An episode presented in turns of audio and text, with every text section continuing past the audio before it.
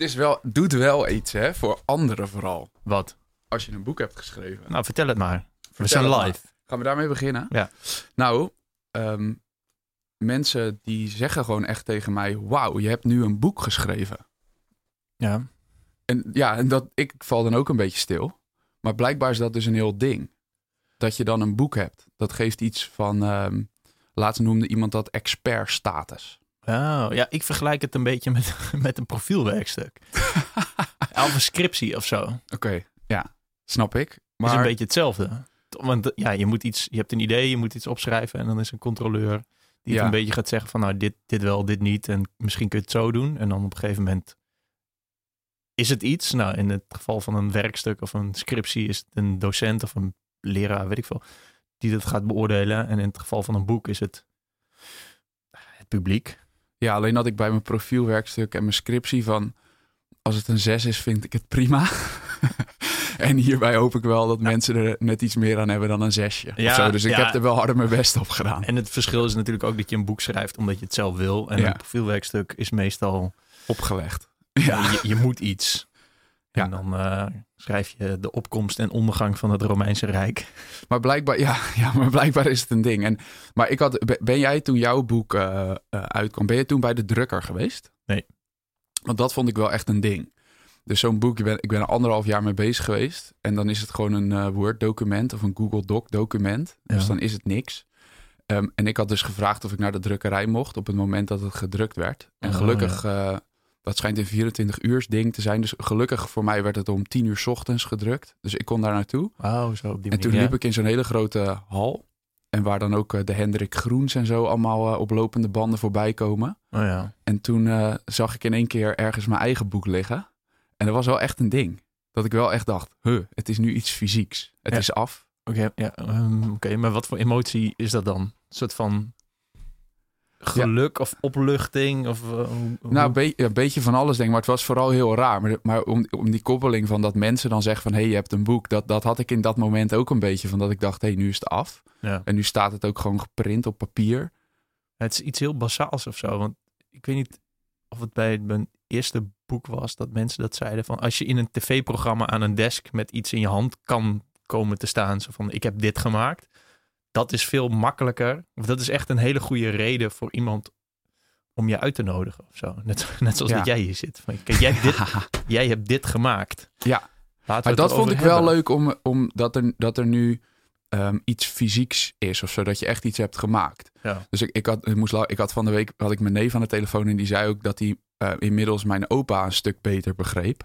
En mijn opa die had altijd een eh, moestuin. Ja. En dan eh, ging hij altijd daar op de fiets ging hij daar naartoe. En dan was hij de hele ochtend was hij daar dan bezig. En dan haalde hij de groenten eruit. En dan vervolgens fietste hij dan door de hele regio om bij al zijn broers en zussen eh, snijbonen te brengen. Ja. Maar die had dan wel zijn resultaat van zijn werk. Ja. En daar was hij ook mee bezig. En dat, dat is wel in deze tijd waar alles digitaal is en, en een documentje en dat boeken op je e-reader en zo. Was het heel gek om een hardcopy boek in je handen te hebben en dat je denkt, hé, hey, ik heb dit gemaakt. Ja, dat begrijp ik ook wel, ja. Ik las het, ik las het boek Standpunten van Sven Brinkman. Fantastisch boek. Eh, de review staat op jelmedeboer.nl slash gewoon. Ehm, daarin, die eindigt eigenlijk ook met... ehm, ja, ik weet niet welke filosoof dat vond, maar het boeit ook niet zo heel veel. maar die vond dat, dat eh, eh, ambachtslieden een soort van ethisch en nog iets ideaal zijn. Dus mensen die iets maken met hun handen. Ja. Dus die iets creëren. Dat dat is eigenlijk het vetst. Dus dat snapte ik wel heel goed, want dan ben je ook gewoon daarmee mee bezig. Dus gisteren was ik eh, keurig netjes de tuin onkruidvrij aan het maken. Hoe was en toen dat? keek ik daarna, nou, dat, was helemaal niet zo heel leuk.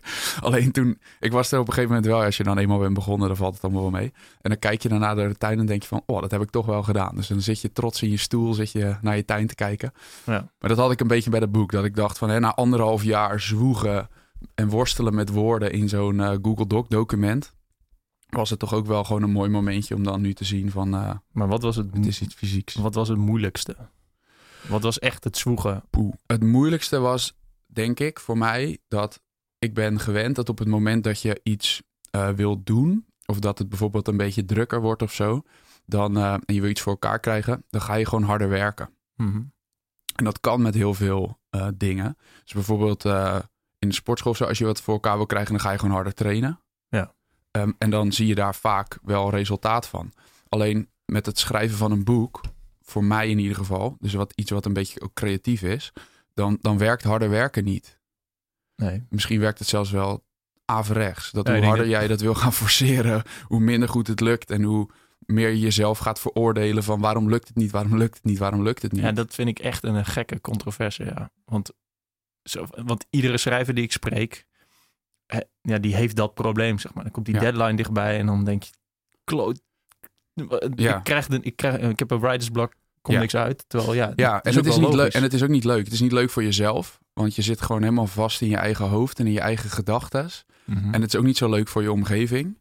Um, want je wordt er dan ook niet echt een leuke mens van. Of in ieder geval ik niet. Um, maar dan heb je die worsteling gewoon een paar dagen nodig. En dan op een gegeven moment valt het wel. En dan denk je van, hé, hey, maar dit is hoe ik het wil verwoorden. En dan, dan schrijf je dat, dat, dat simpele idee op. En vaak uh, doe ik dat dan nog met pen. En dan kijk ik dat en dan is dat ook precies hoe het, nou ongeveer 85% hoe het dan ook daadwerkelijk in het boek is gekomen. Hmm. Um, en dan kun je ook als je dat leest, eigenlijk niet meer snappen dat het je drie dagen heeft gekost om dat op die manier op papier te krijgen. Ja, ja dat is wel echt een groot verschil tussen uh, de tijd dat je ermee bezig bent en de doorlooptijd. Ja, dus die worsteling, dat, dat was voor mij wel, denk ik, het, het moeilijkste. Naast dat je, als je een boek, ik dacht dus ook, uh, ik ben net als jou, ik, ik, blog, uh, ik blog best wel regelmatig, inmiddels niet meer, want ik vond op een gegeven moment was ik dus volledig met het boek bezig en blogde ik helemaal niet meer. Maar dat ik, voordat ik aan het boek begon, ook gewoon dacht van, ja, een boek is gewoon een aantal blogs na elkaar. Hm. Dus hoe moeilijk kan het zijn? Ja. En jij begint al te lachen. Ja, dat is dus totaal niet. Dus je, als je ook een soort van flow in je verhaal wil, ja. of in het boek, dan uh, ja, dat was ook een heel ding. Gewoon een hele puzzel van, uh, ja, wat, wat komt waar of zo. Ja.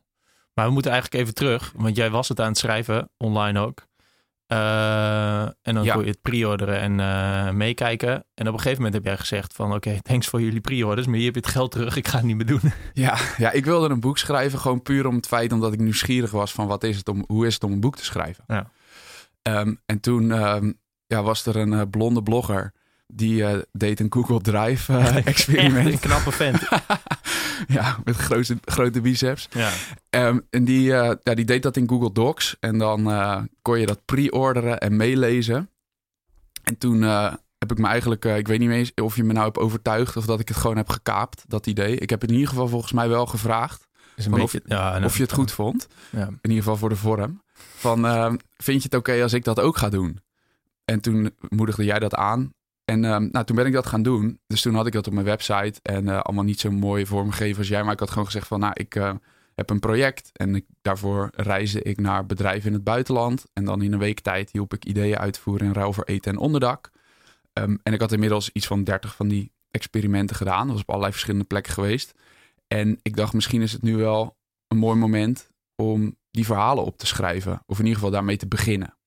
Dus dat deed ik in zo'n Google Doc document. Ja. En mensen gingen dat dus pre-orderen. Dat vond ik al best wel fascinerend. Dat ik echt dacht van oké, okay, blijkbaar vinden mensen dat leuk. Dus mm -hmm. dat was een hele goede test. Alleen op een gegeven moment toen ik aan het worstelen met woorden was en ik kwam er niet meer uit, was dat hele Google Doc document, ja, dat, daar ging ik echt een beetje tegenaan hikken. Want ik durfde niet meer in dat document te schrijven, omdat ik dacht, ja, dat slaat natuurlijk nergens op, maar dat ik dacht dat mensen dat ook daadwerkelijk real-time aan het meelezen ik waren. Ik heb precies hetzelfde. En dan ga je je nog meer veroordelen van... maar elke zin die ik schrijf moet goed zijn. En dat, ja, dat is natuurlijk gewoon onzin. Um, ja. Dus op een gegeven moment... juist wat maakte dat ik gewoon maar ging beginnen... en wat ik wel heel leuk vond... en dat mensen daarop gingen reageren... dat kwam op een gegeven moment een beetje in de weg te staan. Plus ik was alleen maar... of grotendeels bezig met wat er dan in het verleden was gebeurd... en niet meer zozeer met, met nieuwe experimenten doen... of met nieuwe dingen doen. Nee. Um, en dat gecombineerd maakte dat ik op een gegeven moment dacht: oké, okay, ik ben hier helemaal klaar mee. En toen heb ik dat gekild. Um, en iedereen die het had besteld, waren iets van 200 mensen of zo. Ja, een mailtje gestuurd van: uh, jongens, ik hou ermee op. En uh, hier heb je je geld terug. Ja. Ja. En toen, maar was het toen chill? Nou, dat was ah, onwijze nice. opluchting. Ja, dat was echt een onwijze opluchting. En ik dacht, weet je, alles wat ik heb geschreven, misschien komt dat ooit nog eens een keer van pas. Dus prima. Dat, uh, dat bewaar ik gewoon. en toen, ehm, ja, in de week nadat ik dat dus had gekild, dat project, werd ik door drie uitgevers gebeld. En ik weet niet of zij dat allemaal aan het meelezen waren of dat ze dat dan via via hadden gehoord of zo. Maar eh, die zeiden van, goh, waarom ben je gestopt? En we zouden eigenlijk wel uh, dat boek met jou willen maken. Mhm. Dus toen, ja, dat wilde ik natuurlijk helemaal niet. Want ik was zo blij, ik was eigenlijk blij dat ik het had gekild. Ja. Um, maar ja, uiteindelijk is het boek er toch, toch nu gekomen. Maar wat zit er tussen dan? Ik bedoel, dan gaan ze je... Ja, dus er was er een, ze zeiden van, er kom eens langs. En er was dan één uitgever die hield dat wat, wat ja, wat langer vol dan de rest. Dus ik zei steeds van nee, ik heb gewoon voor gekozen. Ik heb erover nagedacht en ik ga dat op dit moment niet doen. Mm ik vind het een eer, maar misschien later. En zij was gewoon, uh, ja, het was een dame in dit geval van Boom. En zij was gewoon wat, ja, wat standvastiger. En ze zei op een gegeven moment ook van, maar het kan toch geen kwaad om gewoon een keertje langs te komen en dan te kijken ja, of er een klik is of, of we kunnen samenwerken. En hoef niet meteen ja te zeggen. Dus toen ja, heb ik me toch over laten halen. En ben ik naar, uh, naar de Prinsengracht, geloof ik, uh, afgereisd. En daar we gewoon eens zitten praten. En mijn, mijn, er zaten de drie dames tegenover mij die mij aan het overtuigen waren dat ik toch dit boek moest gaan schrijven. En, en toen zei ik steeds nee, nee, nee, nee, nee. Dat was een beetje dezelfde tijd. Het was voorjaar, vorig jaar. En dat ik, uh, ik zou twee weken daarna of zo voor acht weken naar Costa Rica en Colombia gaan. Um, met mijn vriendinnetje. En ook weer om wat experimenten te doen, maar ook gewoon om eventjes uh, even weg te zijn en die telefoon in de hoek te kunnen gooien en even na te denken van, goh, wat ga ik doen? Mm. En toen zeiden ze, joh, denk daar dan rustig over na. Als je terugkomt, dan uh, hebben we contact en dan, uh, ja, dan zien we het wel. Dus toen ik terug was, belde zij. Toen zei ik, nee, ik ga het niet doen. En toen belde ze nog een keer. En toen zei ze van, maar je kan toch gewoon even langskomen en dan kunnen we het over hebben. En toen kon ik, op een gegeven moment zijn je nees dan op. Dus toen ben ik toch weer daar naartoe gegaan. En toen, uh, ja, dan krijg je zo'n aanbiedingsmagazine. Want dat is, ik, ik heb dus best wel wat geleerd over die hele boekenwereld. En ik weet er nog steeds niet zoveel van hoor, maar ik heb best wel wat van geleerd. Dan krijg je dus zo'n aanbiedingsfolder voor je neus. Wat elke boekhandel of elke uitgever maakt om aan de boekhandels te geven. Mm -hmm. Dus dat was in dit, jaar, in dit geval dan het, uh, ja, de, van, de, van het najaar 2018. Of voor, nee, voorjaar 2019. Dus Ja. dat maken ze dan in het najaar 2018. Ja. Wat ze dan in voorjaar 2019 in de winkel willen leggen. En toen uh, lieten ze er eentje van voor van het, uh, het half jaar ervoor zien. En toen zeiden ze van nou ja, we hebben hier op, uh, op pagina 5 en 6 hebben we nog plek voor jouw boek. Was dat, heb je later gevraagd of dat een trucje was van ze? Nee, heb ik niet gedaan. Oh, ja. Maar ik weet in ieder geval nog dat mijn ego dat op dat moment niet aankon. um, en dat ik toen heb gezegd van, nou ja, dat is goed. Dan, dit is ook wel gewoon een unieke kans. Ik weet niet of het uniek was, maar het voelde wel als een eer. Mm -hmm. Dat ik dacht van, ja oké, okay, en ik heb al wel wat geschreven. En misschien met de hulp van hun. En kan ik het wel voor elkaar boksen. Dus dat maakte dat ik toen alsnog weer... uh, maar was het, was het alleen uh, ego? Of was er ook in die... Uh, dat je in uh, Costa Rica en Colombia was... dat er toen... dat je eigenlijk toch wel had bedacht... dat je dat wilde doen?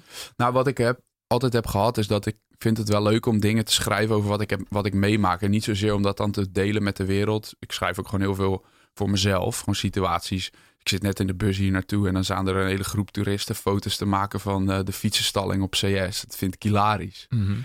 Dus dat, dan, ik schrijf altijd van alles op en ik vind het gewoon heel leuk om te schrijven. En tijdens dat ik in Costa Rica en Colombia was, merkte ik weer dat ik het wel leuk vond om af en toe even een stukje op te schrijven. Dus ik kreeg ook wel weer een beetje het plezier terug. Ja. Gewoon in wat opschrijven.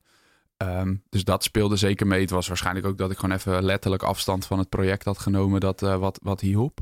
En dat ik ook wel dacht van, goh, oké, okay, met zo'n team van zo'n uitgever om mij heen, die dan bezig zijn met alle dingen waarvan ik vooraf al weet dat ik het niet leuk vind. Dus zoals de vormgeving en om dat allemaal te doen en de, het printen en al dat soort en de distributie en al die dingen. Mhm. Als zij dat voor mij doen, dan ja, dat scheelt mij alweer bakken met werk. En dan kan ik me echt focussen op het maken van het boek. Maar was dat dan ook de reden waarom je uh, eigenlijk zelf ermee was gestopt? Dat het niet alleen het schrijven was, maar nou, ik dacht er wel allemaal daarna zou moeten. Ja, ik dacht wel van als het schrijven al zo pittig is. Ja, en ik moet al die andere dingen ook nog doen. En dan moet ik allemaal tegelijk op ja. een gegeven moment. Want ik weet niet, ja, dat, hoe dat, jij hebt dat uiteindelijk natuurlijk doorgezet. Ook met thuisblijven is duurder. Ja.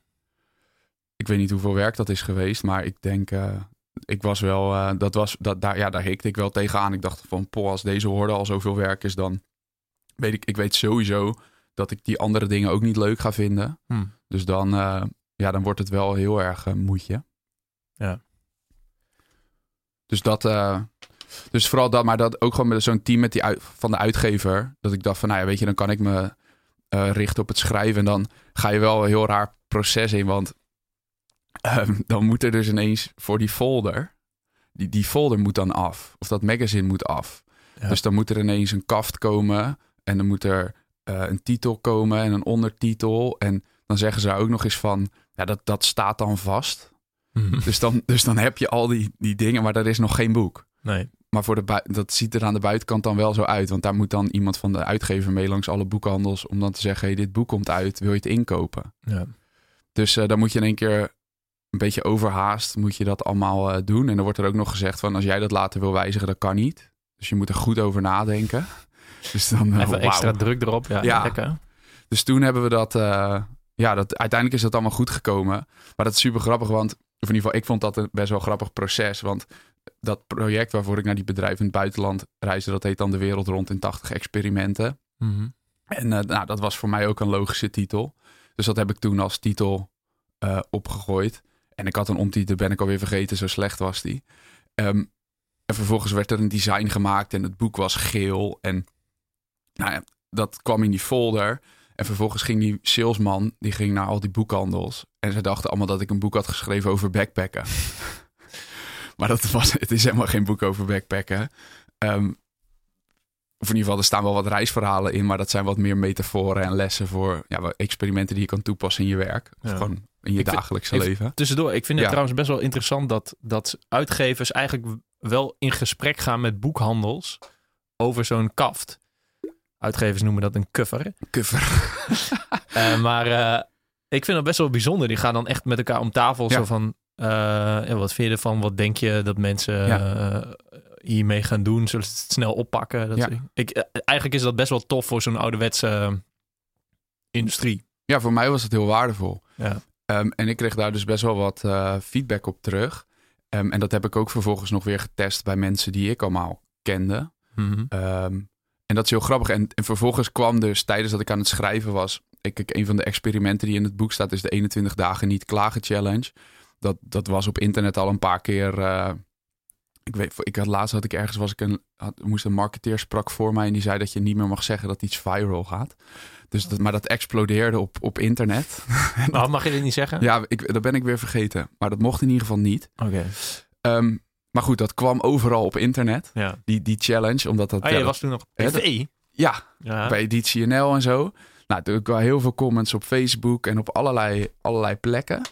Ehm, en toen zei die uitgever van, ja, weet je, elke keer als ik het heb over die 21 dagen niet klagen challenge, dan eh, ja, vinden die boekhandels dat heel leuk. Ehm, en ehm, als ik dan ook nog eens vertel dat je naar allerlei bedrijven in het buitenland hebt gereisd en daar over, dingen hebt geleerd over de cultuur en over hoe je dan ideeën uitvoert en zo, ja, dan vinden ze het eigenlijk alleen nog maar leuker. Dus wil je niet je titel veranderen naar 21 dagen niet klagen? Met dan een goede ondertitel. En toen zei ik nee. Want mijn project is de wereld rond in 80 experimenten. En nou, dan heb je even de tijd nodig, denk ik, om dat eh, te laten bezinken. En dat heb ik gedaan, maar toen ging ik dus bij vrienden testen van... eh, joh, als jij, eh, hoe kies je welk boek je gaat lezen? Als je naar een boekhandel gaat, hoe bepaal je dan welke je oppakt? En Mhm. nou, toen kwam dat wel een beetje naar, naar voren dat eigenlijk de wereld rond in 80 experimenten gewoon een hele slechte titel is.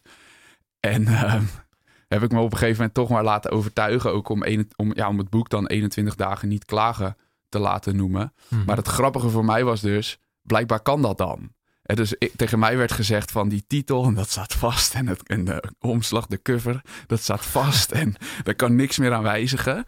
En blijkbaar vervolgens, als dan de uitgever erachter komt dat het anders, dat het beter werkt. Ja, dan kan het ineens allemaal wel. Ja, bijzonder is dat. Hè, dus nu, toen is de titel gewijzigd. Het is nu 21 dagen niet klagen. En wat is het? En nog 33 experimenten voor een verfrissende blik op ja, je hoezo, werk en hoezo leven. zijn dat niet nog 79?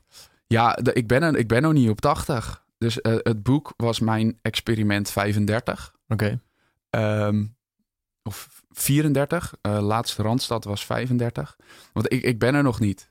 Mhm. Ehm, maar ik kwam op een gegeven moment wel, toen dat ik een beetje zo rond die 30 zat. En ik begon met, eh, met schrijven. Dat ik dacht van ja, als ik een boek moet schrijven over alle 80. Ik weet überhaupt niet of ik ooit echt de 80 ga halen. Dat was meer gewoon een soort van richting. Mhm. Ehm, ja, dan, dan denk ik van, god, dan wordt het dikker dan de Bijbel. En dat, eh, dat wilde ik niet. En, en ik heb ook alle experimenten die in dit boek staan, dat zijn ook echt daadwerkelijk de experimenten die ik heb gedaan in ruil voor eten en onderdak. En inmiddels is dat ook gewoon langzaam een beetje aan het veranderen. Ehm, ja, omdat mijn leven ook veranderd is. En als je een aantal, weet je, ik heb bij een advocatenkantoor in Singapore gewerkt, maar ook op een middelbare school in Kaapstad, in een township, een wijn gemaakt op Sicilië. En op een gegeven moment, als je al die experimenten doet en dat gaat een beetje spreiden, Mhm. ja, dan komen er meer kansen op je pad. Ehm, en dan merk ik ook soms nu dat als er dan een, eh, ja, gewoon echt een bedrijf is wat mij benadert, zeg maar. En Ja. ik dan zeg van het is in ruil voor eten, ik kom jullie helpen in ruil voor eten en onderdak. Ja, dan nemen ze me niet serieus.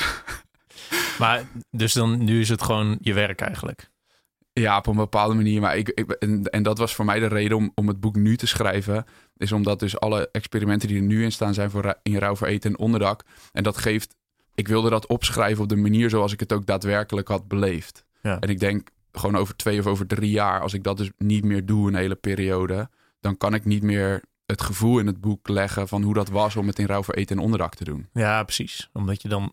Dan ga je terugdenken van hoe was dat toen ook alweer. En Ja. dan denk ik dat je het minder puur opschrijft. Dat was gewoon een aanname. Misschien kan het wel. Maar dat, dat was voor mij eh, een van de keuzes om het boek nu, eh, nu te schrijven. Heb je... Ja, we hadden in het voorgesprek al even over. Maar heb jij in je hoofd gehad eh, wie dit zou moeten lezen? Eh, ja, een beetje wel. Ik heb niet echt een doelgroep eh, bepaald of zo. Maar ehm, ik, ik zie mezelf... Weet je, ik lees zelf best wel wat boeken. En ik heb ook wel vrienden die het leuk vinden om boeken te lezen. Maar er zijn ook heel veel mensen die willen dan boeken lezen. En die kopen ook wel boeken. Maar die hebben dan zo'n hele stapel liggen. Ja. Met eh, boeken waarvan anderen zeggen dat, ze, dat die mensen ze moeten lezen. Omdat Mhm. het dan slim overkomt. Of dat dat gewoon bestsellers zijn en zo. En vervolgens hebben ze na een hele drukke dag werken eigenlijk geen mentale ruimte om ook nog eens eh, managementmodellen of weet ik veel dikke ingewikkelde pillen te lezen. Dus ik heb eigenlijk een boek geschreven voor mensen die het leuk vinden om een boek te lezen wat lekker leest. Eh, ik hoop dat dat gelukt is. Ehm, het is gewoon, ja, gewoon een beetje fris verhaal en waarvan je ook als je het aan het lezen bent dat je denkt, hé, ik ben benieuwd wat hierna komt. Mhm. Maar dat er ook gewoon nog wel wat dingen in zitten waar je wat uit kan halen. Dus als je bijvoorbeeld ideeën hebt, ja, dan gaat, dan gaat een hoofdstukje gaat over vertrouwen. Maar dan gaat het over een verhaal van wat vertrouwen dan voor mij is en hoe dat werkt. Ja. Ehm er gaat iets over van hoe maak je complexe dingen nou simpel. Er gaat een ding over hoe stop je met e-mail. Nou, die 21 dagen niet klagen challenge. Dus gewoon ook verhalen waar je dan, ja, waar je wat eventueel wat aan hebt en zou kunnen toepassen ja, in je eigen werk of in je eigen leven. Dat vind ik vaak boeken die ik fijn vind om te lezen. Heb je... Maar krijg je dat nu ook terug? Van, van als je reacties leest? Ja, het is grappig, want ik krijg dus berichtjes van mensen en dan sturen ze... Het las natuurlijk heel makkelijk. En, dan, en dan denk ik, ja, dat Was, zal... stond er een komma tussen natuurlijk en heel? Of is Nee. het... Oké. Gewoon, het las natuurlijk heel makkelijk. En dan, of het las heel makkelijk natuurlijk. En dan dacht ik, ja, dat, dat zal wel. En dat is mooi dat dat zo is. Maar dat is precies het stuk waar ik echt heel veel van mijn tijd in heb gestoken. Ja. Om er steeds voor te zorgen dat dus ook zo'n hoofdstuk, ja, dat er een bepaalde flow of een bepaalde cadans of zo in zit. Ja. Ehm, dus ik ben heel blij dat het zo overkomt. Maar ja, het is heel vaak, weet je dan, het is niet zo moeilijk om een hoofdstuk te schrijven van tien pagina's. De, het is meer de, de, wat lastig is, is om dan vervolgens de essentie te vatten en dat op te schrijven in vier pagina's, die misschien lekkerder en beter lezen en waar hetzelfde in zit. Ja. En je hebt sommige managementboeken die eh, dan heb je een hoofdstuk en dan heb je aan het einde van het hoofdstuk heb je een samenvatting. Mhm. Zo van kortom. En dan, dat is dan de les van het hoofdstuk. En ik heb echt geprobeerd om de les niet zo te benadrukken. Maar dat je dat er gewoon zelf wel uit kunt halen. Want weet je, heel simpel. Ik ben gewoon ook maar een broekje van 30. Wat net komt kijken. Dus wie ben ik om te vertellen aan iemand anders van... hey, dit is de les. Ja, ik vind het zelf ook wel lastig. Omdat je... Ja, eigenlijk wil je gewoon op, opschrijven hoe je het zelf wil. En zo'n samenvatting is eigenlijk een soort van... eh, hoe zeg je dat? Disqualificatie van al het voorgaande, zeg maar. Ja, en dat zijn ook vaak een beetje wat meer abstracte dingen... waar je het dan over hebt. En- Le- levenslessen. Ja, en bovendien vind ik ook heel vaak met een... Het is zo lastig met een boek dat natuurlijk wil je wel bepaalde boodschappen overbrengen. Maar aan de andere kant is het ook wel mooi voor een lezer om dat zelf maar een beetje te bedenken. Ja. Kijk maar wat je er zelf uithaalt. En Ja. als je dan op het eind van het boek, eh, ik heb dat nu met het plantenboek ik aan het schrijven ben, denk ik, ja, moet ik aan het eind van het hoofdstuk ook nog eventjes kortom, zeg maar, of dit, of echt van die. Nou, kijk, als het objectieve dingen zijn, kan het denk ik prima. Dus als, als het, weet, ik weet niet hoe dat zit, maar als eh, mensen gewoon structureel hun planten te veel water geven en dat ze daardoor doodgaan. Ja. Ja, oké, tuurlijk, maar dat is dan een feit. Hè, van geef je planten niet te veel water. Ja, maar, ja, maar dan. Ik, ik denk heel vaak met dit soort, met zulke soort boeken, zeg maar, vol met instructies, denk ik heel vaak een robot had dit ook kunnen schrijven. Want Ja. die zet je dan, weet ik veel, je je maakt een robot die, die Google searches doet voor Ja. de populairste onderwerpen en die zet Ja, dan alle, stappen onder elkaar en dat is het boek. Ja, En ja, dat mist vaak iets, zeg maar. Alleen het is wel weer wat mensen handig vinden om te lezen, omdat je dan heel snel weer even openslaat en dan kan kijken van hoe zat het ook alweer. ja maar ik wil niet voor je, maar jij hebt volgens mij ook nog een klein beetje een soort van ander doel bij dat plantenboek, toch? Dat je ook, omdat het gewoon een onderwerp is waar bijna alleen maar saaie boeken over zijn. Ja, anders, anders soortige Ja. boeken. Ik bedoel, zo'n boek vol met, met foto's en, eh, en interieurs. Ja, de, ik, je kunt dat niet saai noemen. Want het is best wel, het is best wel tof om naar te Ja. kijken. Het zijn gewoon mooie, mooie plaatjes eigenlijk. Alleen ja, dat, eh, ik vind dat niet zo belangrijk. Ja. Zeg maar hoe iemand anders zijn interieur Ja, eruit precies. ziet. Denk, Ja. ja, maar mooi, en mooi gedaan. Inderdaad, mooie belichting. Ja. Dus maar dat is daar, ja, dus dat was wel, dat, nou, dat was wel gewoon een dingetje van dat je in zo'n boek niet te bedweterig overkomt of zo. Want ja, ik, eh, ik weet het eigenlijk, ik weet eigenlijk ook nog gewoon niet zoveel. En elke keer als ik denk dat ik wel iets weet, dan blijkt het daarna toch weer anders te zijn. Mhm. Maar ik heb wel een aantal dingen. Kijk, ik, mijn dingetje is een beetje dat ik allemaal van die experimenten doe. Dus als ik ergens nieuwsgierig naar ben, dan ga ik kijken van, hey, hoe zit dat nou eigenlijk? Ja. Dus bijvoorbeeld zo'n 21 dagen niet klagen challenge. Ja, als dat dan voorbij komt, dan ben ik benieuwd van, ja, maar ik, ik weet niet. Ik zie mezelf als een redelijk positief persoon. Klaag ik veel of niet? Dus dan ga ik die challenge aan om erachter te komen van, hey, hoe, hoe zit dat nou eigenlijk in elkaar? Mhm. En wat ik dan vervolgens wel kan doen, is delen wat het voor mij heeft gedaan. In de hoop dat iemand anders nieuwsgierig genoeg is of wordt. Om dan te denken van hé, hey, laat ik dat ook eens proberen. Ja. Maar dan niet om te, hetzelfde te ontdekken als wat het voor mij heeft gedaan. Maar gewoon om te ontdekken wat het voor diegene doet. ja, precies. En dat is wel wat ik continu, nou ja, ook als ik bijvoorbeeld ergens een lezing bij een organisatie of, of op een congres of zo geef. Ja, dat is wat ik probeer over te brengen. Van ga eens zelf afvragen waar ben je dan nieuwsgierig naar. Ja, precies. Je En- hoeft en- niet, en je hoeft niet precies doen. deze experimenten te doen. Nee. Maar als het een beetje... Kijk, als je last van e-mail hebt op je werk... Ja, ik ga niet zeggen dat je moet stoppen met e-mail. Ik heb ook niks tegen e-mail. Dus het, dus het, werkt prima. Maar als je er last van hebt... dan heb ik wel een paar tips... of in ieder geval hoe je kunt beginnen... om eens te gaan ontdekken of je dat niet eens anders kan inrichten. Maar hoe dat dan uiteindelijk daadwerkelijk gaat... ja, ik doe jouw baan niet. Nee, precies. Het zou wel vet zijn om echt het, precies hetzelfde ticket als, je- als, als jij te kopen. En, dan, en ook te beginnen zo en kijken waar dat strandt, zeg maar. Ja, nou ja, kijk, en, maar, en dit zijn van die dingetjes, hè, dat mensen die willen vaak van tevoren, willen ze dan stap 1 tot en met 8. En dan willen ze van, oké, als ik, maar als ik, en als ik die dan die acht stappen volg, dan is dat ook het eindresultaat. Dus dat je Mhm. dat van tevoren al helemaal weet.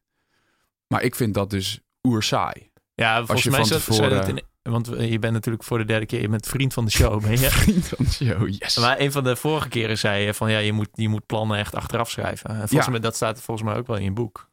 Ja, ik, ik, heb, ehm, eh, ik heb, ken iemand die schrijft nu een boek over autonomie.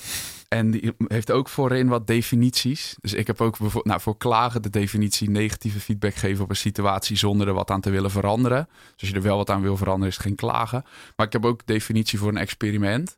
Ehm, en dat heeft niet zoveel te maken met witte jassen en reageerbuisjes. Maar een experiment is iets doen waarvan je vooraf niet weet hoe het afloopt. Dus dat je juist zeg maar de ruimte houdt voor als je begonnen bent. ehm, dat er dan spontane dingen op je pad komen. En dat je denkt, hé, hey, grappig, dit had ik van tevoren nooit kunnen bedenken. Maar wat interessant, dit Ja. helpt mij verder. En dat je dat dan gebruikt. En wat vaak gebeurt, is dat mensen dan een plan hebben. En dan hebben ze dus die acht stappen. eh, of binnen bedrijven ja, het zijn vaak zeven stappen. Ik weet niet waar dat vandaan komt. Maar dan eh, ben je dus bijvoorbeeld op een gegeven moment ergens... en dan leer je iets van dat het eigenlijk heel anders in elkaar steekt. Of dat de klant bijvoorbeeld iets compleet anders wil. Nou, bijvoorbeeld met zo'n titel. Ja, moet je dan vasthouden aan je eigen titel? Ja, in sommige gevallen misschien wel, maar in andere gevallen, ja, als je dat dan leert en terugkrijgt, ja, benut dat dan en, en pas het aan. Ja. En dat is een beetje het hele ding met experimenteren. Van je hoeft van tevoren niet altijd te weten wat het oplevert. Maar dat staat. Sommige mensen vinden dat eng. Sommige mensen die beginnen überhaupt niet aan iets als ze niet weten wat het oplevert. Hè? What, what's in it for me? Ja, precies. Maar, maar ik denk juist dat dat heel tof is. Want dan gebeurt er van alles. En dan is het inderdaad de stelling van als je toch een plan wil maken, doe dat dan achteraf. Maar waarom denk je dat het dan niet veel gebeurt? Is dat een soort angst? Of is het een soort van uh, efficiëntieziekte? Mm, ja, ik denk een combinatie van alles. Ik moet zeggen dat ik. Het, dit houdt me wel de afgelopen weken een beetje bezig. Ik heb er nog niet goed genoeg, denk ik, over nagedacht. Maar een van de dingen is denk ik wel, ja, tijd is schaars. En, of lijkt schaars. Ja, hè, dat, dat hoor je overal. Iedereen is druk. Dus als je weinig tijd hebt, ja, dan wil je waarschijnlijk de dingen die je doet, wil je een soort van garantie dat het je wat oplevert of zo. Ja. En dan kan je het ook gewoon weer op Instagram zetten. Maar dat is wel handig dat jouw allereerste experiment was, zeg maar, je werk doen in 10 uur. Ja, 40 uur. Maar dat, en dat was een gevolg van gewoon maar beginnen. Ja. Dus het is niet dat ik dacht toen ik uh, dat e-mail dieet en dat, je, dat ik ging kijken van als ik, ik wist dat als ik meer mail stuurde, dat er meer binnenkwam. En dat was vooral intern. Ik werkte toen voor de gemeente, of voor de veiligheidsregio Hollands Midden, het is voor de overheid. Ik was gewoon heel benieuwd van als ik nou minder stuur, komt er dan ook minder binnen. Mm En dat is wat ik ben gaan testen. Ja. En dat werd uiteindelijk stoppen met e-mail, omdat op een gegeven moment na drie maanden ja, de voordelen van e-mail voor mij niet meer echt opwogen tegen de nadelen. Nee, precies. Dus dan Hè, dan, toen trok ik de stekker eruit. Ik had inmiddels ook allerlei andere werkafspraken met collega's en dat ging prima. En ik deed op dat moment mijn fulltime baan in tien uur in de week. Maar dat had ik niet van tevoren bedacht. Dus ik ging dat niet in met van... hey, ik ga eens testen of, dat minder, of ik dan minder binnenkrijg... zodat ik mijn baan in, in tien uur in de week kan doen. Dat, dat was een gevolg. Ja. En ik denk vaak dat als je dat van tevoren dus allemaal al vastlegt ja, dan is het nog veel lastiger om er te komen. Want dan ben je zo gefocust op dat eindresultaat. Ja, je kunt toch niet, je hebt geen, en dan kom je bij alle Romeinse filosofen. Je hebt toch vaak niet direct invloed op het eindresultaat. Je hebt alleen maar direct invloed op datgene wat je op dat moment doet. Mhm. Dus stop daar vooral je energie in. Dus er is eigenlijk niet een handboek experimenteren. Ik, heb het niet, van... ik heb het niet geschreven. Nee. maar maar zou dat te kunnen zijn? Want eigenlijk is het gewoon je afvragen: wat zou er gebeuren als? Ja. En dan. Iets er, zijn wel, ja, er zijn wel gewoon een aantal dingen die je kunt doen om het voor jezelf makkelijker te maken. Om eens zo'n experimentje aan te gaan. Maar uiteindelijk zul je denk ik toch wel moeten ervaren wat het voor je doet. En ja, dat zijn van die dingen. Weet je, toen ik dat uh, ik deed toen zo'n TED-talk om mijn idee van naar die bedrijvenreis in het buitenland te pitchen. Mhm. En toen kreeg ik, ik werd compleet overspoeld met berichten. Dus ik kreeg iets van 80 berichten of 80 uitnodigingen, ook allemaal via via, uit 50 verschillende landen. Dus ik kon naar superveel plekken. Ja. Maar wat dat deed met mij, was dat ik niet wist wat ik moest kiezen. En dat ik nergens naartoe ging. Ja. Want ik was alleen maar bezig van, ja, hoe staat dat dan? Of als ik naar New York ga, dan mis ik Singapore. En dus deed ik niks. En wat ik nu wel geleerd heb om te vragen bij experimenten, dus als ik bijvoorbeeld dat wil doen, dan vraag ik mezelf af, maar wat nou als het makkelijk is? Mhm. En dan haalt dat vaak de angel eruit. Dat maakt dat je jezelf wat minder serieus neemt. Dat is ook altijd wel lekker, dat relativeert. En dan kun je beginnen. Maar noem, noem daar eens een voorbeeld van. Wat nou als het makkelijk is? Um, nou, het grappige met bijvoorbeeld met zo'n 21 dagen niet klagen challenge. Dan zeggen mensen, nou, dat red ik nog geen 21 seconden. Of dat red ik nog geen 21 minuten.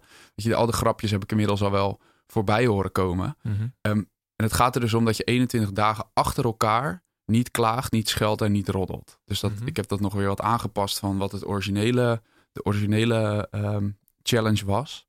Maar dan zeggen mensen van, ja, 21 dagen. En dan vraag ik dus van, maar, maar wat, dan, wat dan als het makkelijk is? En heel veel mensen zeggen, nou dan doe ik eerst wel drie dagen. Dan zeg ik, ja, oké. En dan doen ze zo'n bandje om. En dan gaan ze dus eerst drie dagen proberen niet te klagen. Mhm. Ja, prima. Maar zonder te beseffen dat als je überhaupt bij die 21 wil komen, dan moet je sowieso die eerste drie dagen door. Dus ja, als het voor jou werkt om dan niet te denken van ik moet het 21 dagen doen, maar ik moet het drie dagen doen. Ja, doe dan eerst drie. Maar je moet sowieso eerst drie. Ja. Dus als je voor jezelf dat in je hoofd, vaak zit het gewoon in je hoofd, wat, wat makkelijker kan maken. En dat je dan de druk voor jezelf bijvoorbeeld verlaagt. Van ik ga het eerst eens drie dagen doen. Ja, oké. Als dat werkt om in beweging te komen, want dat is wel een van de grootste lessen voor mij altijd. Is dat beginnen, en dat is gewoon een cliché, maar beginnen is vaak het belangrijkst. Mhm. Want dan vogel je het gaandeweg wel uit. Ja. Alleen zijn mensen vaak, die zijn zo bezig met van ik moet er een succes van maken. En die zijn niet dus met het resultaat. En die zijn niet zo bezig met van ik ben gewoon nieuwsgierig naar wat het is als ik dit ga doen. Ja, dat ze dat dan in de weg laten staan van dat ze beginnen. En dan Nee. zijn ze er heel lang over na aan het denken. Zonder wat te doen. Maar als jij bijvoorbeeld nu wordt ingehuurd om een experiment te doen, is het altijd een soort van stapje aan het begin dat jij tegen een manager of een, iemand die jou inhuurt moet zeggen van oké, nee, laten we, laten we gewoon beginnen, laten we het makkelijk maken, laten we niet te veel nadenken, want ik kan me voorstellen dat ze een kick-off willen en het hele team Ja. bij elkaar en eh, presentatie en weet ik veel wat, Ja, planning, ja, doelen. we moeten het wel met z'n allen doen. Mhm. Maar dat- vaak werkt dat helemaal niet.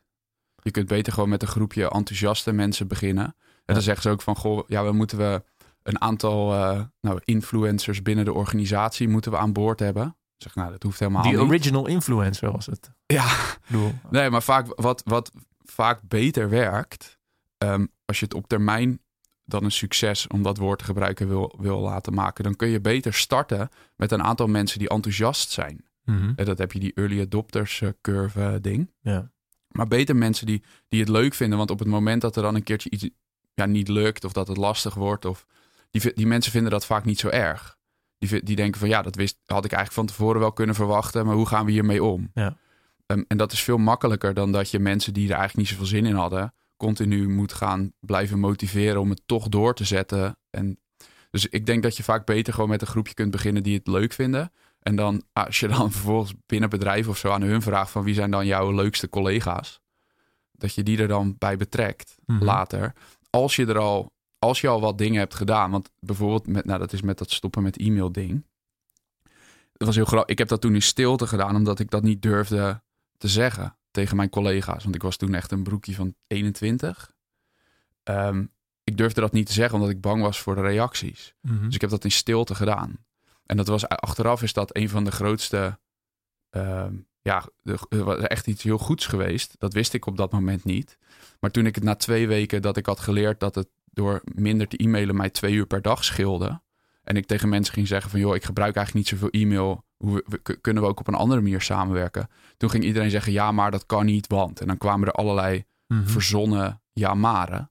En op dat moment kon ik heel makkelijk met de ervaring die ik al had van die twee weken zeggen van ja, maar dat kan wel, want. En Ja, dan precies. kon ik gewoon zeggen van als het spoed is kun je me net zo goed even een sms'je sturen of zo. Dus ik had al uitgevonden ehm, hoe ik die ja-maren kon tackelen. En niet met een eh, verzonnen argument, maar met iets wat ik daadwerkelijk al had meegemaakt. Dus vaak is het ook gewoon heel nuttig om iets heel kleins te doen, zodat je al die ja-maren die iedereen gaat verzinnen, Maar dit heeft ook wel te maken. Even ook wat te maken met eh, ehm, dat je gewoon moet beginnen. En dat is al helemaal makkelijk als je Ja. iets in je eentje doet. Ja. Dus dan, want eh, ga je naar podcasten met Liesbeth Raske over soloreizen. Eigenlijk is dat precies hetzelfde. Want ja, als je besluit iets alleen te doen, dan kun je gewoon nu, Ja. nu Ja. iets doen. Ja. ja, en de les daarvan is, hè, want dat is dan weer een andere vraag. Dan stellen, vragen mensen van, hoe krijg je dan weer anderen mee? Ehm, ik denk dat als jij laat zien dat het werkt om gewoon te beginnen, dan zijn er vaak ook wel weer andere mensen die daar dan weer nieuwsgierig naar worden. Mhm. En die denken van, hé, hey, dat vind ik ook wel grappig. Of niet. En dat is ook prima. Ja, maar, dan- ja, Want, het doel, ieder geval... want het doel is namelijk niet om er uiteindelijk een succes van te maken. Het doel is om is te ontdekken van, zit hier wat in, ja of nee? Wat zijn eh, drijfveren voor mensen om een e- experiment te doen? En dan maakt het even niet uit of het in een, in een eh, werksituatie is of thuissituatie of zo. Of is dat ongemak of nieuwsgierigheid of eh, weet ik veel? Ja, ik denk een ja, dat zijn verschillende dingen, denk ik. Voor mij is het vaak nieuwsgierigheid. En ehm, ben ik dus niet zo bezig met het resultaat. Nee, maar eh, is het, is het bijvoorbeeld... eh, Kijk, ehm, oh, hoe zeg ik dit?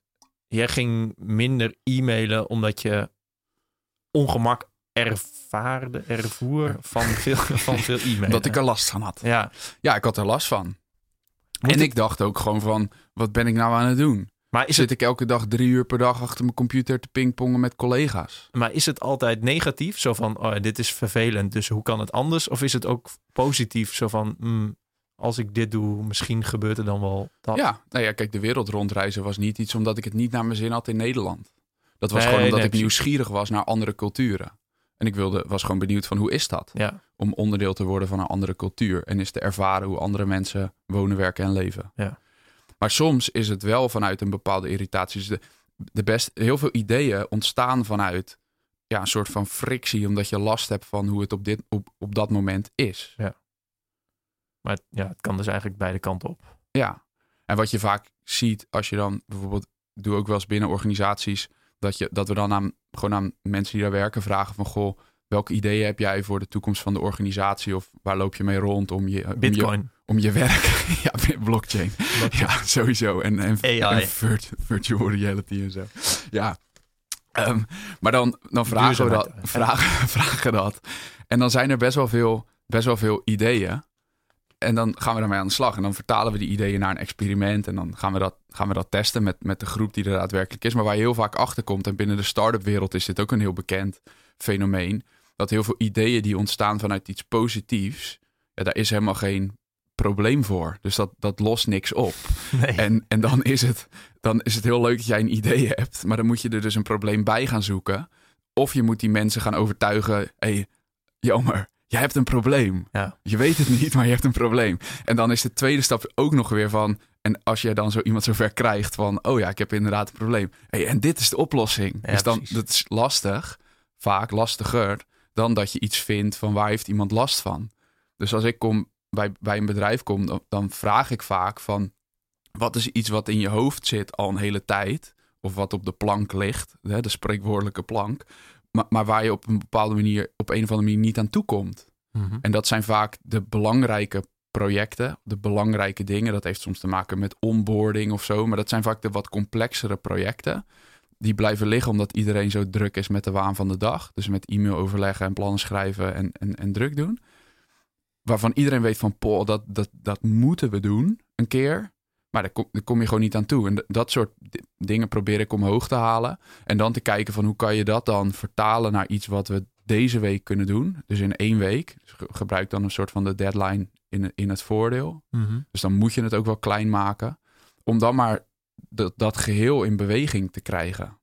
Hoe, eh, hoe verhoudt, zeg maar, ik wil niet zeggen dat jij de, de Kevin Weijers aanpak hebt, maar hoe verhoudt zich dit tot een iets bekende fenomeen, gewoon hackathons? Ehm, ik denk dat er wel heel veel koppelingen in zitten. Want dat is, dat is natuurlijk, lijkt je wel eens zoiets wat zo'n naam heeft. Ik bedoel, heeft het, eh, Ja, ik word wel eens. Ik, ik heb nog nooit zelf een hackathon georganiseerd. Maar ik word af en toe wel eens gevraagd van wij hebben een hackathon. Wil je dan langskomen? Dus dan Mhm. soms voor een praatje om te laten zien wat de waarde is van experimenteren. Ja. Of dat je nooit te klein kunt beginnen. Dus ja, dat, dus daar, daar ben ik wel eens bij. Maar en, en dat, kijk, dat, het is ook al, het, het heeft raakvlakken met zo met de lean startup en, allemaal- en agile en allemaal dat soort methodes. Ja. Alleen, ja, het is ook gewoon wel op een bepaalde manier een beetje gezond verstand. ja, ja, precies. Dus, dus ik heb. En in je, hoeft niet, zin- je hoeft niet eerst een boek te lezen over scrummen om dit... Nee.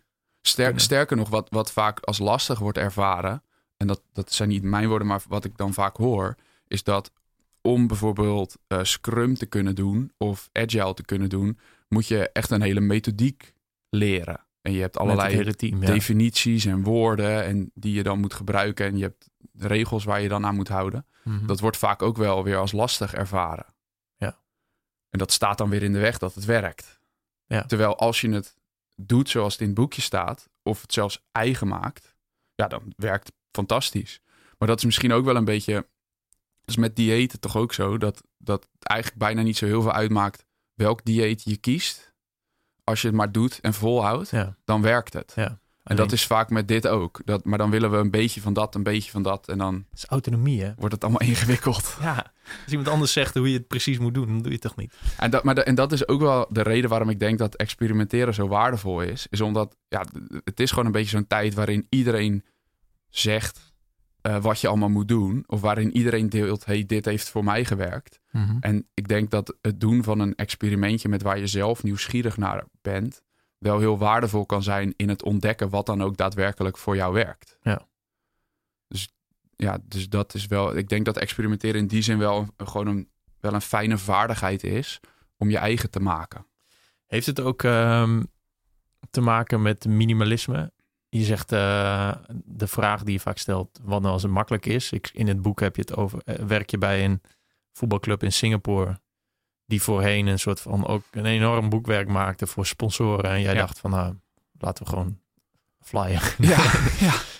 Eh, Laten we in plaats van 40 keuzes een sponsor is drie keuzes voorleggen. ja. Is paradox of choice een beetje. Heb je dat altijd in je achterhoofd? Van, eh, we moet, het moet altijd simpel zijn? Of is het een beetje ook weer een Nou, extreem? Het moet niet altijd simpel zijn. Ehm, en het eh, tegeltje wat ik wel eens op een podium zeg is dat simpel is ook niet makkelijk. Nee. Dat is niet hetzelfde. Ehm, maar waar ik wel mee bezig ben vaak is om, om iets te snappen of iets te begrijpen en daar dan de essentie uit te halen. Dus om te ontdekken van maar waar, waar gaat het dan ook echt om? Mhm. En als ja, dat lukt, dan, dan lukt het. Ja, dat is een beetje zo'n Timothy vers, zo'n 80-20. Dus van welke 20% zorgt voor 80% van het resultaat. Dat betekent niet dat de rest niet belangrijk is. Want de details en zo, dat heb ik met het maken van het boek wel geleerd. Ehm, ik wist niet dat ik zo van de details kon zijn. Mhm. Maar in het begin is het vaak wel fijn om te vatten van wat is nou de essentie en waarom is het echt belangrijk of niet. Ehm, omdat dat denk ik de motivatie is om iets te gaan doen of niet. Is het. eh, ehm, ja, je, wil, je zei net dat je jezelf geen eh, consultant wil noemen. Volgens mij stond ik dat ding toen de, de microfoon nog niet aan. Niks tegen consultants hoor. Maar eh, dat is natuurlijk wel het fijne aan consultants. Dat Ja. ze echt vanuit de buitenkant naar een bedrijf kijken. Dus Ja. dat ze doorgaans wel snel de kern kunnen vatten. Terwijl Ja. als je al weet ik veel hoe lang in een bedrijf werkt, ja, Ja. dan de, de, niks ten nadelen van die personen die daar werken. Maar waarschijnlijk zit hun hoofd helemaal vol met allerlei nutteloze details. Ja, zeker. Ik was gisteren nog bij een bedrijf. Daar werd ehm, gewoon elke dag hebben zij een gezamenlijke lunch. Dus dat wordt gewoon allemaal neergezet. En dan mag je lunchen, mag je aanvallen. En ik kwam daar om een praatje te doen. En ik zei, wauw, wat een luxe. En toen zei een dame, ja, nu je het zo zegt. En dat is, eh, nou, maar als je daar waarschijnlijk drie maanden werkt, dan Ja. denk je van dat het heel normaal is dat dat gebeurt. Ja. Dus nee, tuurlijk, daar zit een onwijze waarde in. En wat, wat ik meer een beetje bedoelde met consultant is dat je vaak, een meestal, hè, dat is een beetje zwart-wit, maar de consultant wordt geen onderdeel van hetgene wat dan daad, wat het bedrijf daadwerkelijk gaat doen. Nee, Dus eh, om in je Taleb eh, eh, dingen te spreken, die, die hebben geen skin in de game. nee. Dus die blijven een soort van aan de buitenkant en die geven dan een advies en die zeggen ja, wij zouden het zo doen. En dan gaat dat bedrijf het doen. En op het moment dat het een succes is, dan zeggen ze ja, dat hebben wij geadviseerd. Ja. En als het geen succes is, dan zeggen ze ja, maar, wij- ja, maar je hebt het niet goed uitgevoerd of Ja, zo. in hè. beide gevallen Dat krijg is- je een factuur. Maar ja, ja, Ja. ik bedoel, Dus wat, wat, ik, wat ik probeer te doen en wat ik ook leuk vind om te doen, is onderdeel te worden van dat experiment wat we gaan doen. En dan heb ik dus wel skin in the game. mhm. En dan maar wat gebeurt er dan als het... Ja, een experiment kan natuurlijk niet falen. Nee, Maar, da- maar dat is dus zo. En dat is, het, dat is een ander stuk. Kijk, ik heb het opgedeeld, het boek, in drie delen: Eh, perceptie, actie en volhouden. Dus dat is het geleend van het stoïcisme. Mhm. Ehm, wa- waar het begint met perceptie. Dus als jij op een andere manier kunt kijken naar bepaalde dingen, dan kun je andere dingen zien. En dan kun je er dus ook andere dingen mee doen. Dat is een beetje Cruyffiaans. Mhm. Maar eh, de definitie van succes van zo'n experiment, om dat überhaupt al een beetje los te koppelen van het resultaat, eh, dat is denk ik al wel een hele belangrijke stap. Maar dat ervaar, dat, om dat iemand anders te laten ervaren, werkt het vaak om ook onderdeel te zijn van dat geheel. En dan om te zeggen van joh, maar we zitten er samen in, het komt wel goed. Mhm. En als je dan dus laat zien van wat we ook leren en wat er ook gebeurt, als het goed is, als je het experiment goed opzet, dan leer je er altijd wat van.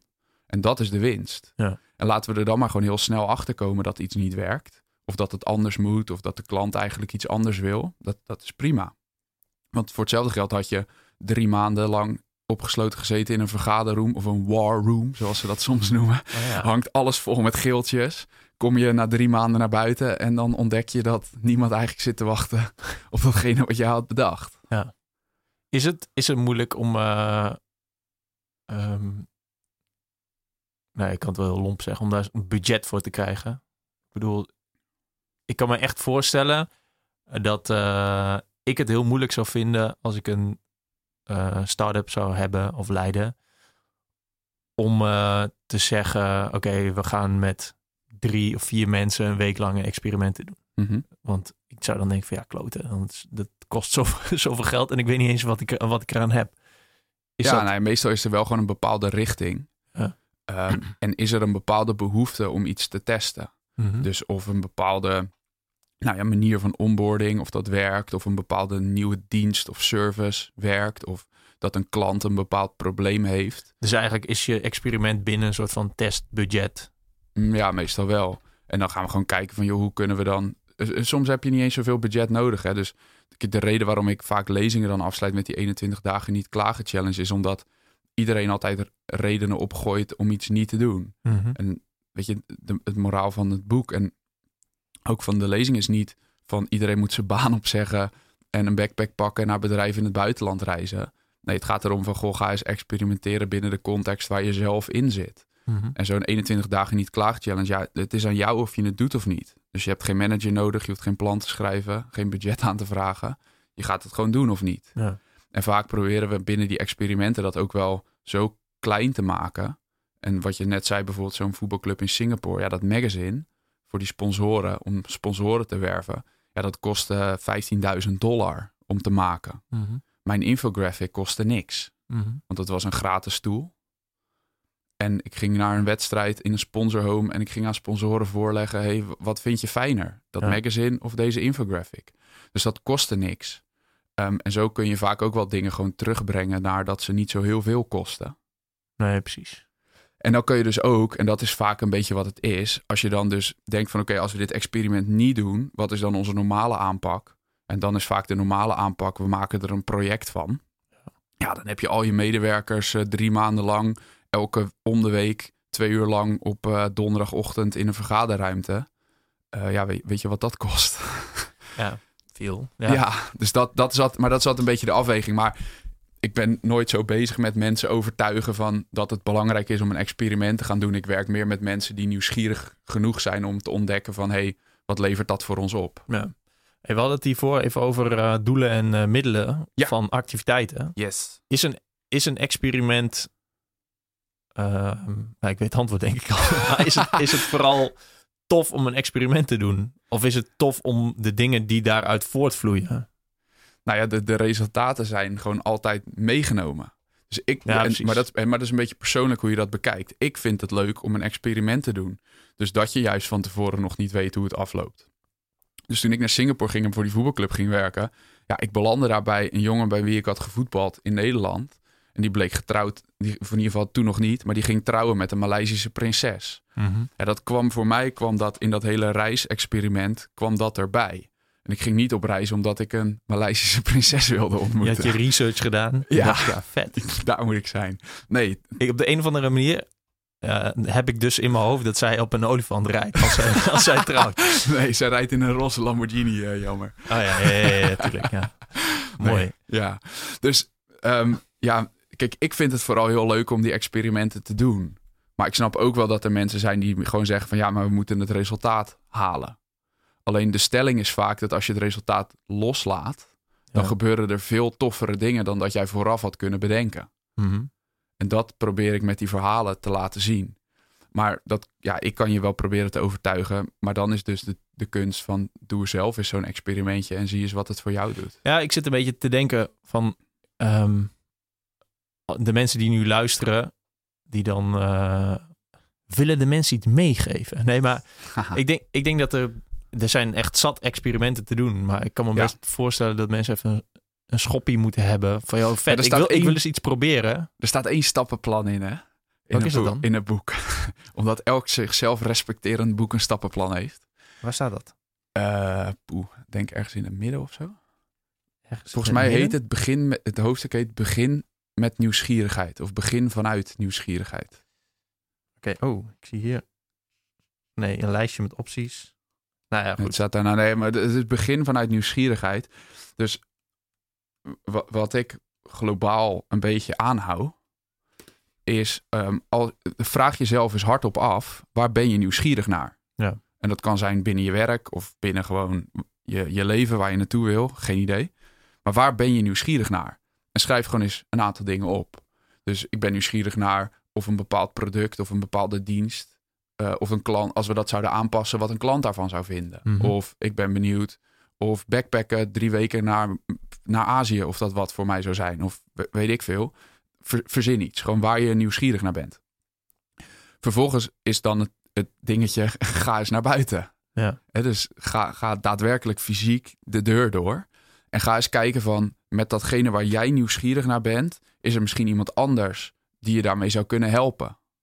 Dus ik was op een gegeven moment bijvoorbeeld nieuwsgierig naar ehm, het doen van lezingen. Ik vond, dat leek me wel leuk om dat Mhm. te doen. Ik werd ook een keer, ik werd vervolgens kwam ik iemand tegen die zei van, hé, hey, maar ik organiseer wat en ik ben ook daadwerkelijk op zoek naar een spreker. En nou, heb ik dat voor niks gedaan, zodat ik kon ervaren of ik dat leuk vond, ja of nee. Mhm. Ik hielp daar vervolgens ook nog iemand mee, want die was uit de brand met het vinden van een spreker. Dan is daarna, als je dus iemand helpt, dan leer je leert daar altijd iets van. Ja. Dus vervolgens met wat je leert, kun je, eh, ik heb dan mijn, de volgende stap voor mij is dan altijd, dan deel ik dat. Dus of dat nou dan weer op een podium is, of via een blog, of via het boek, of gewoon in gesprek met, met koffie of via een podcast, dan deel ik wat dat voor mij heeft gedaan. En vervolgens komen daar weer vaak reacties op van mensen die zeggen: hey, ik loop hier tegenaan. Eh, kun je me daar eens mee helpen? Mhm. En dan help ik en daar leer ik weer wat van. En dat deel ik dan weer. En, dan, en zo gaat dat op een gegeven moment wel lopen. Maar stopt het wel eens, dat zo? Zeg maar, of ben je bang dat je niet meer zo'n mindset hebt? Ehm, nou ja, dat is wel iets waar je af en toe eventjes bij na moet denken. Kijk, ik begon het hele experiment, of dat reisexperiment, om dat te doen in ruil voor eten en onderdak. Ja, mensen gingen van tevoren aan mij vragen van, wat ga je dan doen als je er 80 gedaan hebt? Ja. En dat, dat soort vragen krijg je. Weet ik veel. Ik denk dat de wereld er dan voor mij heel anders uitziet. Nou, dat was al, het was na vijf zag het er al anders uit. En na tien, en, en nu dus na vijf en met het boek, ziet de wereld er weer anders uit. En dat is wel voor jezelf om dan te kijken van, goh, ben ik nog in de richting aan het gaan die ik op wil? Dus je moet af en toe wel voor jezelf, denk ik, even gaan zitten ehm, met een boekje of hoe, de manier hoe dat voor jou werkt. Om eens te reflecteren op, eh, ja, ben ik nog de kant op aan het gaan die ik op wil gaan? Heb, je, eh, eh, heb jij dat onlangs gedaan? Reflectie? Ik bedoel, ja, je hebt nu je hebt die experimenten, daar ben je nog mee bezig. Je bent Ja. nog niet op de helft. Je hebt Nee. dit boek gemaakt. Ja, absoluut. Nou, Ik zei net tegen jou van ik was laatst voor een bedrijf in het buitenland en toen kwam de CEO na het praatje naar me toe en die zei heel leuk die eh experiment in over eten en onderdak. Wanneer ga je daar eens mee stoppen? Maar meer in de zin van dat hij wel businessmogelijkheden zag en in plaats van dat ik alles oplos voor een ander van ja leer leer mij mensen hoe ze dat moeten doen. Maar dan moet je dus weer oppassen in die consultant definitie dat je dat niet te veel wordt, denk ik. Want ik vind het dus ook gewoon heel leuk om die experimenten te blijven doen. Dus ja, ik zit op dit moment in de fase dat ik even aan het kijken ben van, goh, hoe, ja, hoe, hoe ziet dan de toekomst eruit? Of waar, waar ben ik dan op dit moment nieuwsgierig naar? Ja. Want dat boek is gewoon eh, anderhalf jaar werk geweest. Niet alleen maar, maar daar was ik wel druk mee. Ja, dat is er nu. Ja. Dus die tijd die ik eerst besteedde aan het boek, die is nu open. Nou, die wordt dan weer gevuld, omdat als je dus een boek hebt, dan vinden mensen, hé, hey, jij heeft een boek. Dus kom eens vertellen over die experimenten. Dus de, de- hè, dus dan wordt het vanzelf wel weer wat drukker. Maar dan is het aan mij om te vragen van, goh, is dat ook daadwerkelijk wat ik wil, ja of nee? En daar, ehm, ja, ik, ik heb nu voor mezelf, ik had zoiets van, weet je, ik hou die tijd hou ik vrij. Vond ik heel lastig om te doen.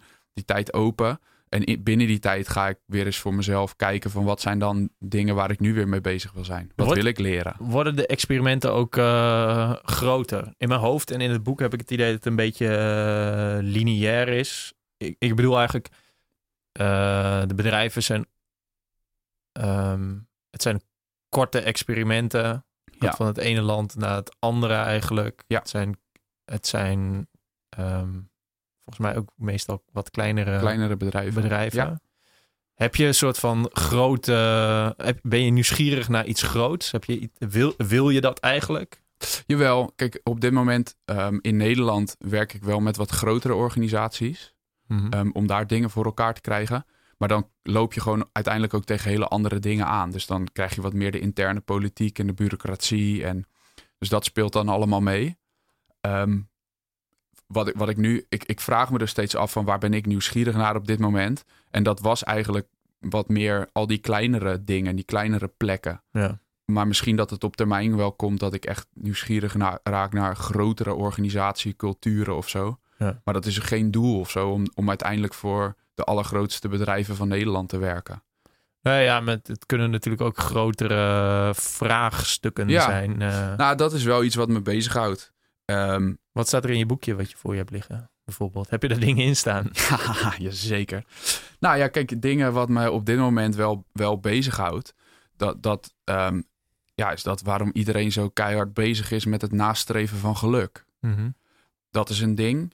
Ehm, wat ik ook laatst hoorde ik iets over eh, ja, smartphones en wat dat, wat dat doet voor, voor de band tussen ouders en kinderen. Ja. Omdat eh, ouders alleen maar op hun telefoon zitten, dat blijkt hecht, hecht, eh, hechtingsproblemen te ouders geven. dus. Nee, maar hechtingsproblemen te geven tussen een kind en een ouder. Dus dat kinderen daardoor lastiger vinden om zich ergens aan te hechten. En Ja. om daadwerkelijk relaties aan te gaan met anderen. Ja, dat zijn op dit moment gewoon dingen, ja, dat, dat houdt mij op een bepaalde manier wel bezig. Ehm, maar ik heb nog niet bedacht van wat wordt nou mijn onderwerp of zo. Of ga ik één onderwerp pakken en daarmee, daarmee aan de slag. Nee, maar ja. Maar ik merk nu wel, kijk, nu ook dan hè, dat, dat dat boek er dus dan is.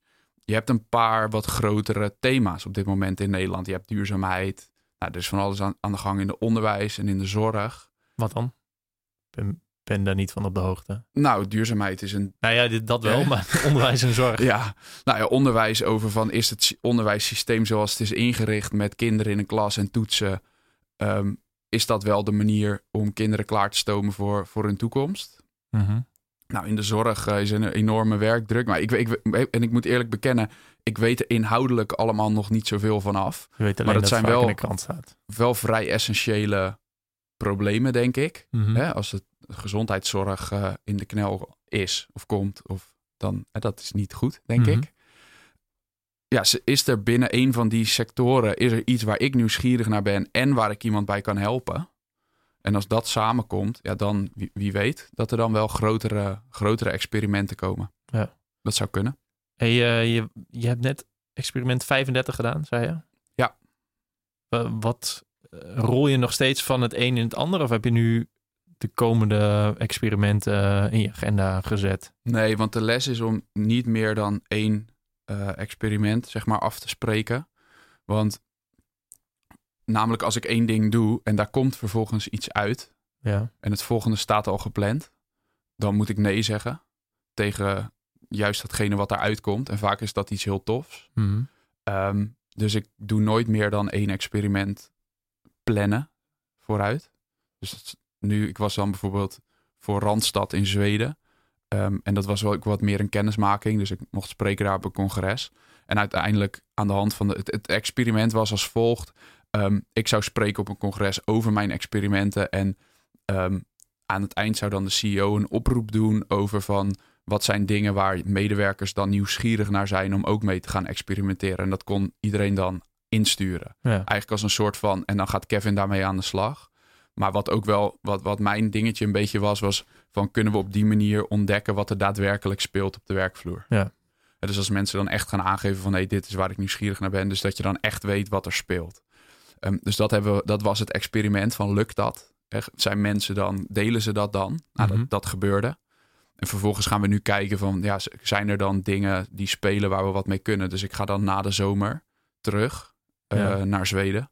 Om dan met hun te kijken van welke van die dingen gaan we aanpakken en op welke manier. En wordt dat dan een manier dat, dat ik een aantal dingen ga oplossen? Of ga ik mensen leren hoe ze dan daarmee aan de slag gaan? Dus je bent wel echt gevoelig voor die...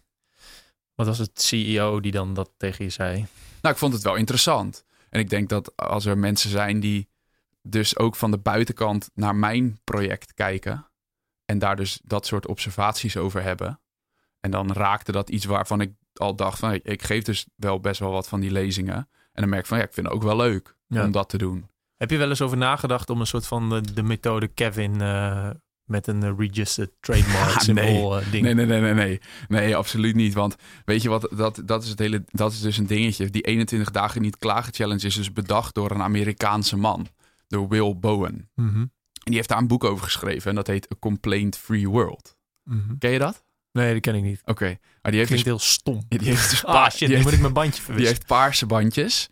En die gaat dus, dat gaat dus over een klaagvrije wereld. Maar ik geloof niet in een klaagvrije wereld. Ik was gewoon meer benieuwd van, goh, in plaats van dat je nou alleen maar klaagt over dingen, ga eens voor jezelf nadenken van wat zou ik er dan aan kunnen doen. Mhm. En dat was mijn. Dus ik heb die definitie van mezelf voor klagen aangepast toen ik die challenge aan het doen was. Want ik denk van ja, prima als je kritisch bent en dingen benoemt, maar ga er dan ook daadwerkelijk wat mee doen. Mhm.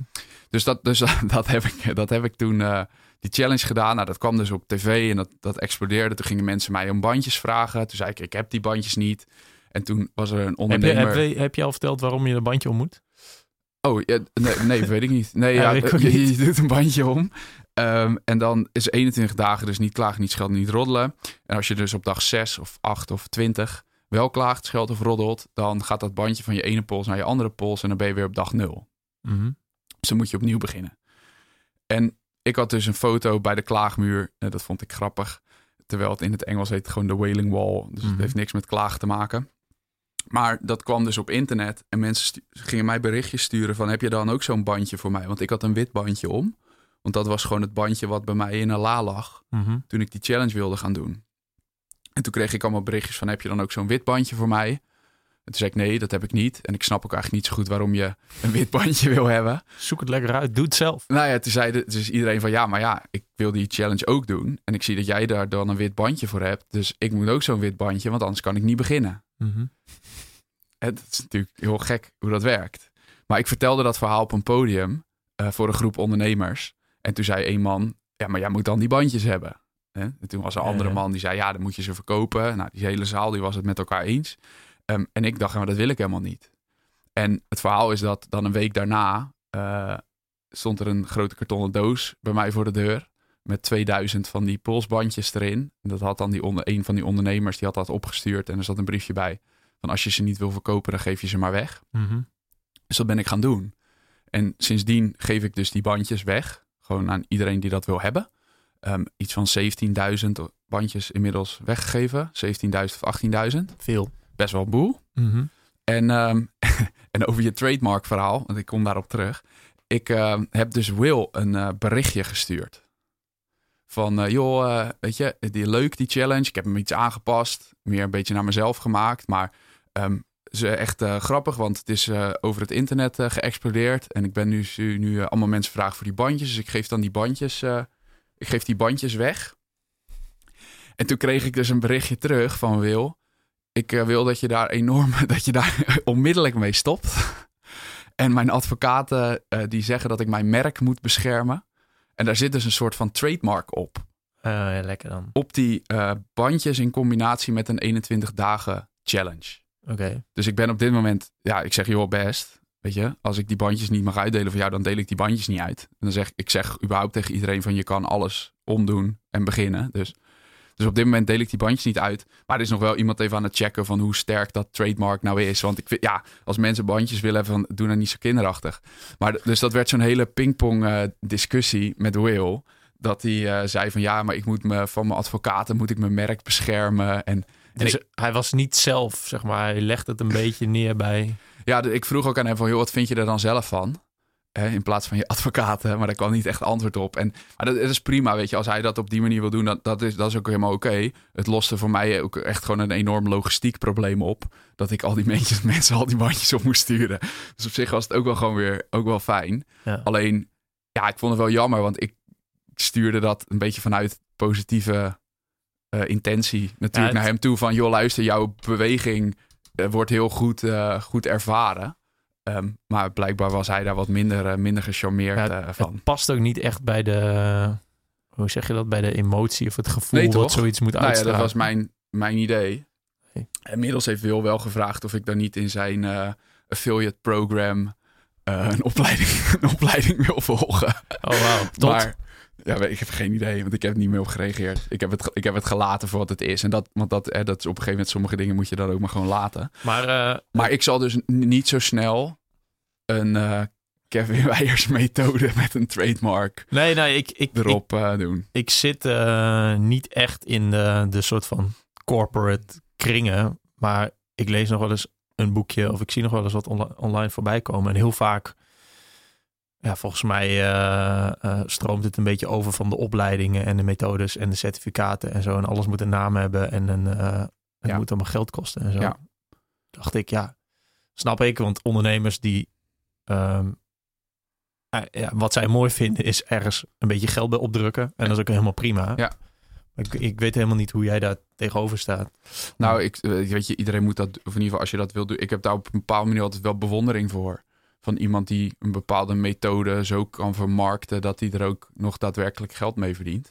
Waarvan je dan eigenlijk als je ernaar kijkt, dat je dan denkt van, ja, volgens mij heb je dat natuurlijk niet helemaal zelf bedacht. En dat hoeft ook niet, hè, want als je er waarde mee toevoegt, is prima. Mhm. Ehm, maar voor mij is dat meer van, ja, dan moet je dat vervolgens ook allemaal in de gaten gaan houden en zo. Of andere mensen dat dan niet kapen en doen. Terwijl ik, ja, ik roep juist op eigenlijk van, als jij een van de experimenten die, die ik heb gedaan, wat vaak gewoon geïnspireerd is, ook gewoon op anderen. Want mijn, hoe ik dat boek begonnen was, dat was geïnspireerd door jou. Uh, het stoppen met e-mail is deels geïnspireerd door Kim Spinder. Uh, de wereld rond in ruil voor eten en onderdak is bedacht samen met Mark van der Heijden, de backpacker intern. Mm -hmm. um, ja, heel veel dingen hoef je ook denk ik niet helemaal zelf te verzinnen, maar kun je gewoon meer wat van jezelf maken. Ja, dan wordt het een hele filosofische discussie. Ja. Waarschijnlijk heb je niks in je leven zelf verzonnen. Nee, dus precies. Ja. Dus ja, om daar dan een trademark op te zetten, dat vind ik dan echt een beetje onzin. Um, en ik denk juist dat iedereen lekker er zelf aan de slag moet gaan om te ontdekken wat, wat werkt voor hem of haar. Maar als je daar dus een onwijze slimme businessmethode met een verdienmodel aanhangt, wat uh, super... Met uh, een affiliate piramide ding. Ja, precies. Dat... Ja, dan moet je dat ook weer doen, weet je. Uh, als je er dan geen andere kwaad mee doet. Maar dat is ook weer een hele andere discussie. Mm -hmm. Dus ja, ik zou dat niet zo snel, niet zo snel doen. Vooral ook gewoon omdat, ja, al dat... Ik vind dat wel mooi, die term, dat suboptimalisatie wat jij gebruikt. Mm -hmm. Dat op het moment dat je dingen ook gaat, wil gaan optimaliseren, dan moet je dus ook al die details in Ja. de gaten gaan houden. Dat kost bakken met energie en dat leidt volgens mij enorm af van Ja, dat is- datgene dat wat je daadwerkelijk wil doen. De 80%, die 20% Ja. van de... Ja, Dus Ja, voor mij werkt dat niet. nou ja, voor mij ook niet. Het staat me dan, ja. En ik vind het ook altijd wel een compliment als iemand gewoon iets pakt of iets doet wat ik dan bijvoorbeeld eerder heb gedaan. Mhm. op- en dan ook vooral op zijn of haar manier. Maar ik vind het altijd wel een compliment, Ja, dat is wel mooi, ja. toch? Grote compliment is er niet als iemand dan daarna zegt: hey, ik heb ook dat e-mail dieet gedaan en het scheelt me een uur per dag. Ik ben er super blij mee. Ja, Ja, dat is toch top? Moet ik dan zeggen: nee, dat mag niet, want er staat een trademark op. ja. Nee. ja. Hey, ik, volgens, volgens mij staat het... Ja, die blogpost staat natuurlijk nog gewoon op mijn website. Ja, want jij hebt dat ook gedaan, Ja. toch? Jij bent ook gaan. Ja, ook weer op een, een Ja. soort van eigen manier. eh, ik had dan zo'n tool gevonden die dan, Ja. dan eh, iedere maand voor je bijhield. Hoeveel je stuurde, hoeveel je kreeg. Ja. Hoeveel ontvangers en hoeveel verzenders er waren. Hey, trouwens, maar ik weet niet hoe lang je dit allemaal wilde laten duren, maar ik. Want Je moet ging- wc? Nee, nee, nee. Oh. het ging over. Je begon natuurlijk bij mij over dat boeken maken. Ja. Maar jij vertelde net tussendoor eventjes dat je voor je plantenboek. Of mag dat nog niet? Ja, ja, ja. ja. Naar buiten. Ja, nee. Dat je dus nu toch een uitgever hebt. Dat Dus klopt. jij hebt ook een, een experiment gedaan met thuisblijven is duurder. Ja. Hè, dat zelf. En nu. Maar hoe, hoe zit dat, dat? Was echt, dat was echt wat als ik het zelf doe. Mooi. En dan, maar ik had toen ook wel in mijn hoofd van... Ik ging het allemaal een beetje bij langs. Toen dacht ik, ja, ik zie om me heen ook wel mensen... Kijk, ik was weer geïnspireerd door Pieter Levels. Die, eh, die zijn boek online Mhm. schreef. Ja. En, eh, in het Engels. En die dat dan weer net iets anders. En Heeft hij hem af nu? ja, hij heeft hem nu af. Hij heeft iets vets. Ik heb dat nu ook weer van hem.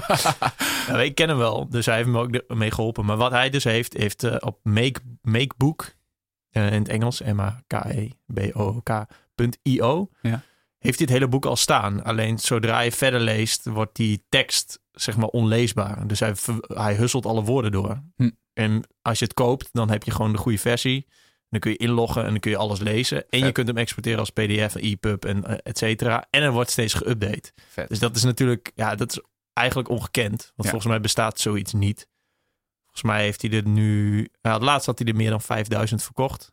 Op deze manier. Maar hij doet, ja, hij doet natuurlijk alles zelf. Hij Ja. verkoopt niks via Amazon. Dus hij heeft, ja, de, de marge is natuurlijk gewoon echt vet goed. Ja.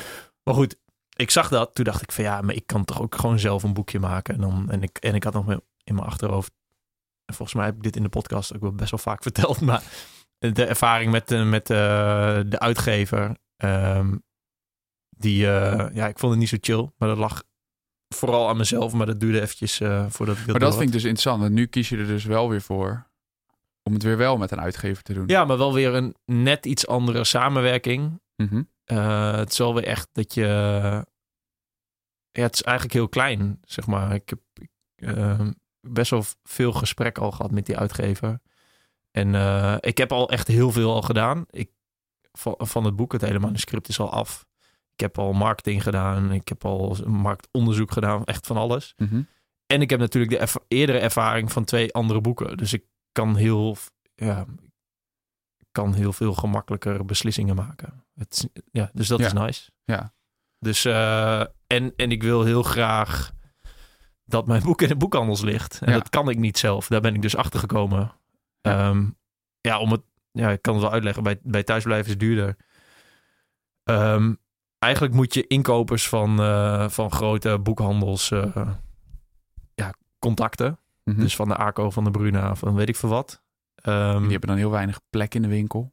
ja, dus dan, ja, dan denk ik van ja, maar moet je zo iemand dan e-mailen? En Ik, ik, ik voel me dan direct bezwaard. Dan denk ik van ja, die krijgen iedere dag honderdduizend e-mails. Ja. Van allerlei beuna's die een boek hebben geschreven. En dan ben ik er één van. Ja. Zo van ja, maar dit is echt vet. Ja. En dan kan ik wel stoer doen van eh, ja, ik heb er al zoveel eh, duizend. eh, nou ja, zoveel duizend klinkt ook stoer. Ik heb er al eh, 4000 op mijn eigen website verkocht. Ja. Maar ja, dat kan ook iedereen zeggen. Dus ik, ik heb dan, ja, ik vind dat niet chill om te doen. Nou, daar is een uitgever wel best wel handig voor. Die dat dan kan doen. Ehm, en bij thuisblijvers duurder vond ik dat... Ja, als je samen met een uitgever doet en dan via boekhandel... Ja, dan hou je echt helemaal niks over aan je boek. Nee, de grap is dat je van vrijwilligerswerk rijker wordt. Ja, nou ja, ongeveer Bijna, wel. En, eh, en toen... eh, ik vond het heel erg stom. Ik vond het oneerlijk. Omdat ik vind dat als je een boek hebt en je hebt een idee... In mijn geval, ik- ja, dat ik gewoon de hele research, alles, gewoon alles zelf deed. En dan als ik dan besluit om met een uitgever samen te werken... dan, dan lever ik echt... eh, ja, weet ik veel, 80% in van... Ja. Bijna meer nog, geloof ik. Ja. ja. Dus ik vond het heel raar en ik, ik werd daar een beetje obstinaat van. Alleen nu, eh, ja, de, de realiteit is wel dat, tenminste, ik heb het zo ervaren. Eh, kijk, ik heb wel wat volgers, maar ik ben geen eh, BN'er of zo. Dus ik kan het echt niet zelf verkopen. Als ik een mail stuur, denken ze niet, oh ja, Jelmer de Boer, hè, dat is die, eh, dat die dude. Mhm. Bijvoorbeeld. Of ik heb niet een succesvol boek geschreven hiervoor. Dus mensen zullen mij niet snel... eh, ehm, ik, ja, ik kan dat gewoon niet zelf. Dus Mhm. ik heb, ik heb Ja. een uitgever nodig om Ja. dit te doen. En dan, dit is dus mijn volgende experiment. Want Ja. komt weer een boek. Ja. En stiekem misschien nog wel een ander boek. Wat ik ook aan het maken ben. Dus dan, dan zie ik het wel. Ja, dat is wel mooi. Maar dat is in die zin is dat experimenteren in gewoon de essentie daarvan. Is dat je gaandeweg dingen bijleert. En dat je antwoorden vindt op vragen waarvan je eerst niet wist dat je ze had. Nee, precies. En dan wordt het elke keer een stukje beter of het is wel echt vet. Ik vond mijn thuisblijvers duurder is wel een van de tofste dingen in mijn leven die ik gedaan heb. En dat was gewoon, wat nou als ik zelf een boek ga uitgeven? Ja. En, Maar dat eh, ging je dus ook gewoon om het proces. Ja, gewoon, ja inderdaad. Om, het, om het project zelf. Omdat Ja. ik dat vet vond om, eh, om te doen. Omdat je, je maakt iets, je zoekt shit uit. Je, ja, het is ook wel echt een doel wat je stelt. Maar dat is wel ook een beetje de les, denk ik dan toch? Van doe, doe af en toe eens iets gewoon omdat je het wil doen. Ja, klopt. En dat is natuurlijk fucking moeilijk. Want dan, ja, het is een beetje het soort van. De. de het, ja, eh, hoe zeg je dat? Het zit een beetje tussen angst en avontuur in. En dat heeft heel veel met elkaar te maken.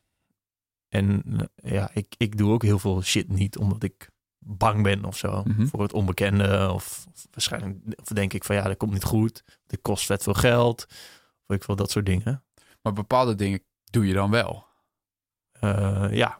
Ja, maar het, iedereen doet bepaalde dingen wel. Maar dat is dan grappig om bij jezelf na te gaan van wat maakt dan dat ik dit bijvoorbeeld wel doe. Ja. Nou ja, ja, ik weet wel een goede reden ervoor. Is omdat ik het lekker allemaal zelf kan doen en het heel erg veilig is. Ook al is het een best wel een avontuur.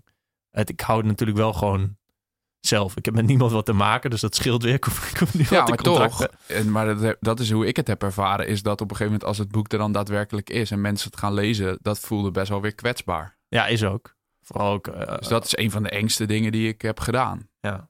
ja, vooral omdat je. Ja, ik was een beetje bang dat, dat de inhoud niet klopt of zo. Dat je een heel, heel groot deel overslaat. Eh, nou, dan gaan natuurlijk mensen zeuren over CO2-uitstoot. Ehm eh, ja, nou ja, dat soort dingen eigenlijk. Ja, maar dat je altijd. Ik, ik, ging, ik moest onwijs lachen daarom, want ehm, er kwam dus toen dit boek uitkwam, mijn, die van mij was op uh, RTL Nieuws, kwam dus een artikel. Oh. En dat ging dan op, uh, werd, zetten ze weer opnieuw op Facebook. Waarschijnlijk omdat ze wisten dat de vorige keer werkte dat heel goed. Dus dachten ze, dan doen we dat nu weer. En dat gebeurde eigenlijk hetzelfde. Dus stond bij wie gaat deze challenge aan. En um, nou, daar kwamen zulke vette reacties onder. Heel veel leuk hoor. Echt gewoon het overgrote deel maar van dat mensen is echt die een dat... artikel. Ik, ging die viral weer? Nee, maar ik bedoel, daar wordt echt veel op gereageerd dan toch? Ja, 35.000 comments. Ja, dat is echt knetter. Ja. En um, ik werd ook echt door allemaal mensen die stuurden mij berichtjes. En uh, het staat op RTL Nieuws. Ja. En dan, maar daar stond er dus ook, er staan er dus ook wel van reacties onder van mensen. Er was er eentje die, dan moet ik echt, als ik nu een beetje in, als ik even niet uh, me zo lekker voel, dan ga ik daar naartoe en dan lees ik die reactie. En dan staat, staat dus onder, wat een gezeik. dus en dan 21, iemand anders. 21, wat een gezeik. En dan iemand anders, jij bent af. Ja, ja. Wie, is, wie, wie, wie is deze snotneus die denkt uh, mij te vertellen dat ik moet stoppen met klagen. En Oh, dan ja, denk je ook gewoon, dat is heerlijk. Want dan heb je natuurlijk ook helemaal niks van begrepen. Of het ook niet, niet gelezen of wat dan ook. Of het niet langer dan een seconde over nagedacht. Maar er stond er ook, zolang uh, deze minister-president aan de macht is... Oh. doe ik niet aan deze challenge mee. En bovendien, en dat is de mooiste zin van die hele reactie... ik ben een heel positief persoon. En dan zie je dus weer allemaal reacties van andere mensen eronder. Van uh, ja, inderdaad, jij bent af. Of morgen weer een kans om opnieuw te beginnen. Um, maar ik had dus van tevoren gedacht dat dat soort reacties me wat zouden doen. Dus ik vond dat echt heel eng toen dat uitkwam. Dus in die zin vond Ja. ik het boek maken vond ik wel een van de meest spannende dingen. Uh, om te- of in ieder geval het maken misschien niet zo, maar dat het, dat Ja. het er was. Ik, ik trek me dat soort dingen nog wel echt aan hoor. Ik bedoel, als, als kijk, bij thuisblijven is duurder. Ja, ik moet ook zelf marketing doen en zo. Dus Ja. dan, als ik dan een Facebook advertentie ga maken of zo. Ja, ik, dan gaat er dan iemand die mij niet volgt, die zeg maar niet het boek niet heeft gelezen. Dus, en ook niet weet hoe, ja, hoe soort van hoe dat project is gegaan. Ik ben er ook wel een jaar mee bezig geweest. Die gaat dan direct een of andere zeikerige CO2-reacties Ja. geven. Terwijl, ja, ik vind het, zo, ik vind het sowieso... ehm, die hele discussie vind ik een beetje dom.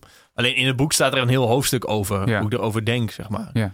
Ja, en dan gaan dan weer andere mensen daar weer op reageren. Ja. En dan denk ik, ja, Ja. ik vind het best wel kut eigenlijk. Ja, maar dat, dan leidt het ook gewoon vooral enorm af van wat hetgeen is wat jij over wil brengen. Eh, ja, eigenlijk wel, ja. Dus ik vind, dat vind ik best wel zonde. Ehm, ja, dus dat trekt me best wel aan. Maar ja, tegelijkertijd is het natuurlijk ook vet als mensen eh, eh, in Nou een vliegtuig zitten met een boekje. Een van jouw favoriete filosofen volgens mij, Alain de Botton. Zeg je dat zo? Geen idee, denk ik. Oké. Die, eh, daar, die heb ik wel eens in een filmpje horen zeggen dat als jij iets maakt en je bent er een jaar later, ehm, schaam je je er niet een beetje voor. Maar ja, ja, ja, volgens mij heb ik dat ook wel eens gezien, ja. Hè? Dan heb je er niet hard genoeg, je of dan heb je niet genoeg risico of zo genomen. Nee. Ehm, dus dat heb ik me ook maar gewoon weer voor, voorgehouden toen dat dan de wereld inging. Dat ik dacht van ja, weet je, oké, over een jaar waarschijnlijk heb ik het in mijn handen en dan denk ik, hoe heb ik dit ooit op deze manier op kunnen schrijven? Maar dat is, eh, weet je, dat heb ik ook met mijn TED Talk, daar kan ik ook niet naar kijken, drie jaar geleden. Mhm. Dan denk ik, ach, wat ben ik daar nou toch aan het stamelen op dat podium. Ja, Maar ja. Met, het is een van die... eh, Ik heb dat ook eh, met, met blogposts en zo. Want alles wat aan een beetje aan de onderkant bungelt bij, op mijn website... Ja, dat ga ik nog wel eens bij langs en dan denk ik van ja, dit moet weg en zo. Alleen aan de andere kant, je weet op dit moment 2019 weet je eigenlijk ook niet hoe de wereld in nee, 2015 ook alweer was. is ook wel weer mooi.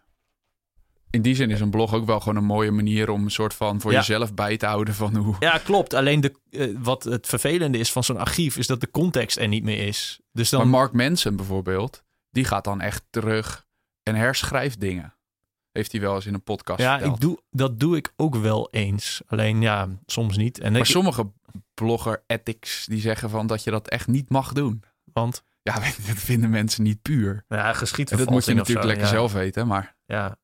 Nee, maar ik, dat, dat vind ik best wel lastig. Want ik weet van sommigen dat ik van blogpost dat ik daar best wel trots op was.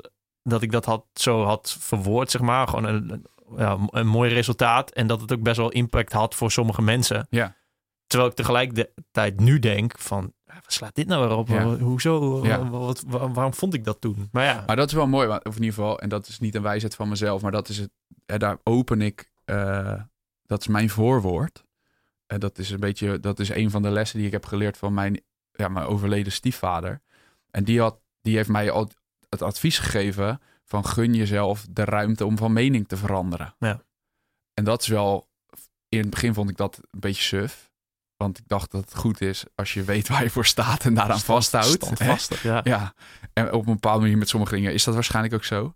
Maar het is ook wel weer mooi dat je jezelf dus de ruimte gunt om van mening te veranderen. Wat jij net bijvoorbeeld zegt over, ik maak een boek met een uitgever. Dat vond ik eigenlijk stom, maar dat heeft even tijd nodig gehad om te realiseren dat het ook voor een deel dan aan jezelf ligt. Dan geef je vervolgens zelf een boek uit. En nu zit je daar dus weer anders in door die ervaringen en ga je weer wel iets Ja. aan met een uitgever. Maar dat denk dat dat alleen maar mooi is. In plaats van dat jij standvastig houdt aan van alle uitgevers zijn stom en Ja, ik weet niet of ik dat ooit gezegd heb, maar ja, Nee, weet je, het, nee, het, is natuurlijk een, het is natuurlijk wel een golfbeweging, zeg maar. En dan een soort van these, antithese, synthese. Dus dan eerst doe je dit en dan ga je... De experiment is eigenlijk, wat nou als, het, als ik het helemaal anders doe? Ja. En dan vaak is de conclusie dat je in het midden... Nou, dan heb je daar Ja. weer een heel tegenovergestelde ding van. Ja. Zo ga ik een beetje door het leven, heb ja, maar het dat, idee. maar dat is op zich wel. En ben je daar oké mee? Ja, dat is het tofst. Ja, Dat is zeg maar wat mij, eh, wat, wat mij drive dat is is. wel mooi. Toch? Het is Ja, een beetje nee, heen, ik vind heen en dat weer... eh, Ik vind dat wel mooi dat je gewoon continu ook jezelf een beetje in situaties brengt waar je weer wat van, waarvan je denkt dat je er weer wat van gaat leren. En natuurlijk heb je wel normen en waarden die echt heel erg bepalend zijn voor wat je aftast. Maar daarbinnen, je kunt wel net weer over een lijntje stappen en zo. Ja. Dat, dat is wel het mooist, denk ik. Hey, en ehm, jouw plantenboek komt dus. Eh, nou, is ook nieuws. Ik denk dat die niet op 10 juli uitkomt, maar zelfs helemaal in september. Vanwege eh, de reden dat dan het kamerplantenseizoen begint. Wat ik helemaal niet wist. nee, ik had ooit een deadline gesteld in januari. Van oké, 10 juli ga ik, het, eh, ga ik een plantenboek uitgeven. Dat had verschillende redenen. Een van de redenen was dat ik autonomie aan het schrijven was. Dat eind van het jaar uitkwam. En dat ik dacht van ja, ik wil heel graag ook een plantenboek maken. Maar ik ga niet dat na autonomie doen, omdat ik het dan, dan ga ik het helemaal niet meer doen, want dan ben ik het helemaal zat. Ja. Ik ben het nu al een beetje zat. Maar eh, dus dan moet dan op het midden van ja, 10 juli.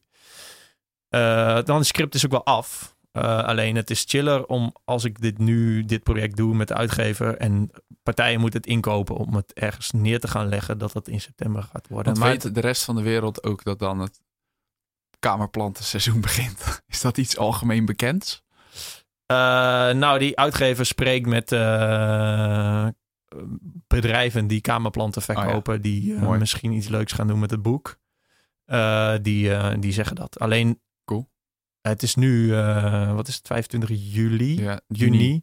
Ja. De, dat is een beetje lastig. Ik weet niet wanneer ik dit ga uploaden. Ja. En de kogel is ook nog niet door de kerk. Dus het kan zijn dat als je dit luistert, dat die er wel op 10 juli is. Maar waarschijnlijk niet. Alles zonder voorbehoud. Nou ja, in, in ieder geval zo dus. Eh, ja, dan is hij er. Mooi. En wat doe je dan met autonomie? Blijft dat eind 2019 of ga je dat ook dan schuiven? Nee, nee, ik denk dat die dan wel er is. Omdat ik... Ik heb al ja, wel aardig wat geschreven. Er staat een concept Ja. vol met notities. En het is een een grote teringzooi. Alleen, ja, dat, wat is het? 19.000 woorden of zo. Ja. Eh, Uiteindelijk maakt het misschien ook sowieso voor de mensen die het natuurlijk hebben gepreorderd, maakt het ook gewoon allemaal niet zo heel veel uit. Want nee, als je want- het wil, kan je natuurlijk nu al lezen wat er allemaal is. Eh, ja, dat is waar. Nee, volgens mij maakt dat niet zo heel veel uit. Alleen ja, dat is aan ieder voor zich. Maar de timing van dat uitgeven is wel op zich ook nog wel grappig. Ik heb daar nooit zo echt over nagedacht. Maar ik kreeg dus echt dat magazine onder mijn neus met het idee van... dan komt het dus in ju- begin juni 2019 Ja, in de winkel. ja. Dus dat was ook meteen de keiharde deadline.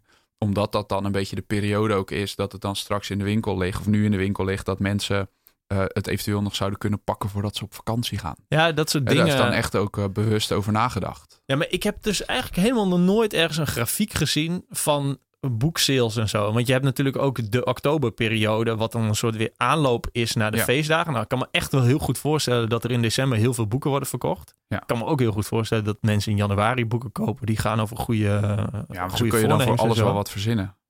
Eh, ja, precies. Ik bedoel, ja, ik, eh thuisblijven is duurder. eh, had ook nu heel goed verkocht kunnen worden, omdat mensen op vakantie gaan. Ja. Eh, nou, toevallig verkoopt hij nu niet goed. In januari wel weer heel goed.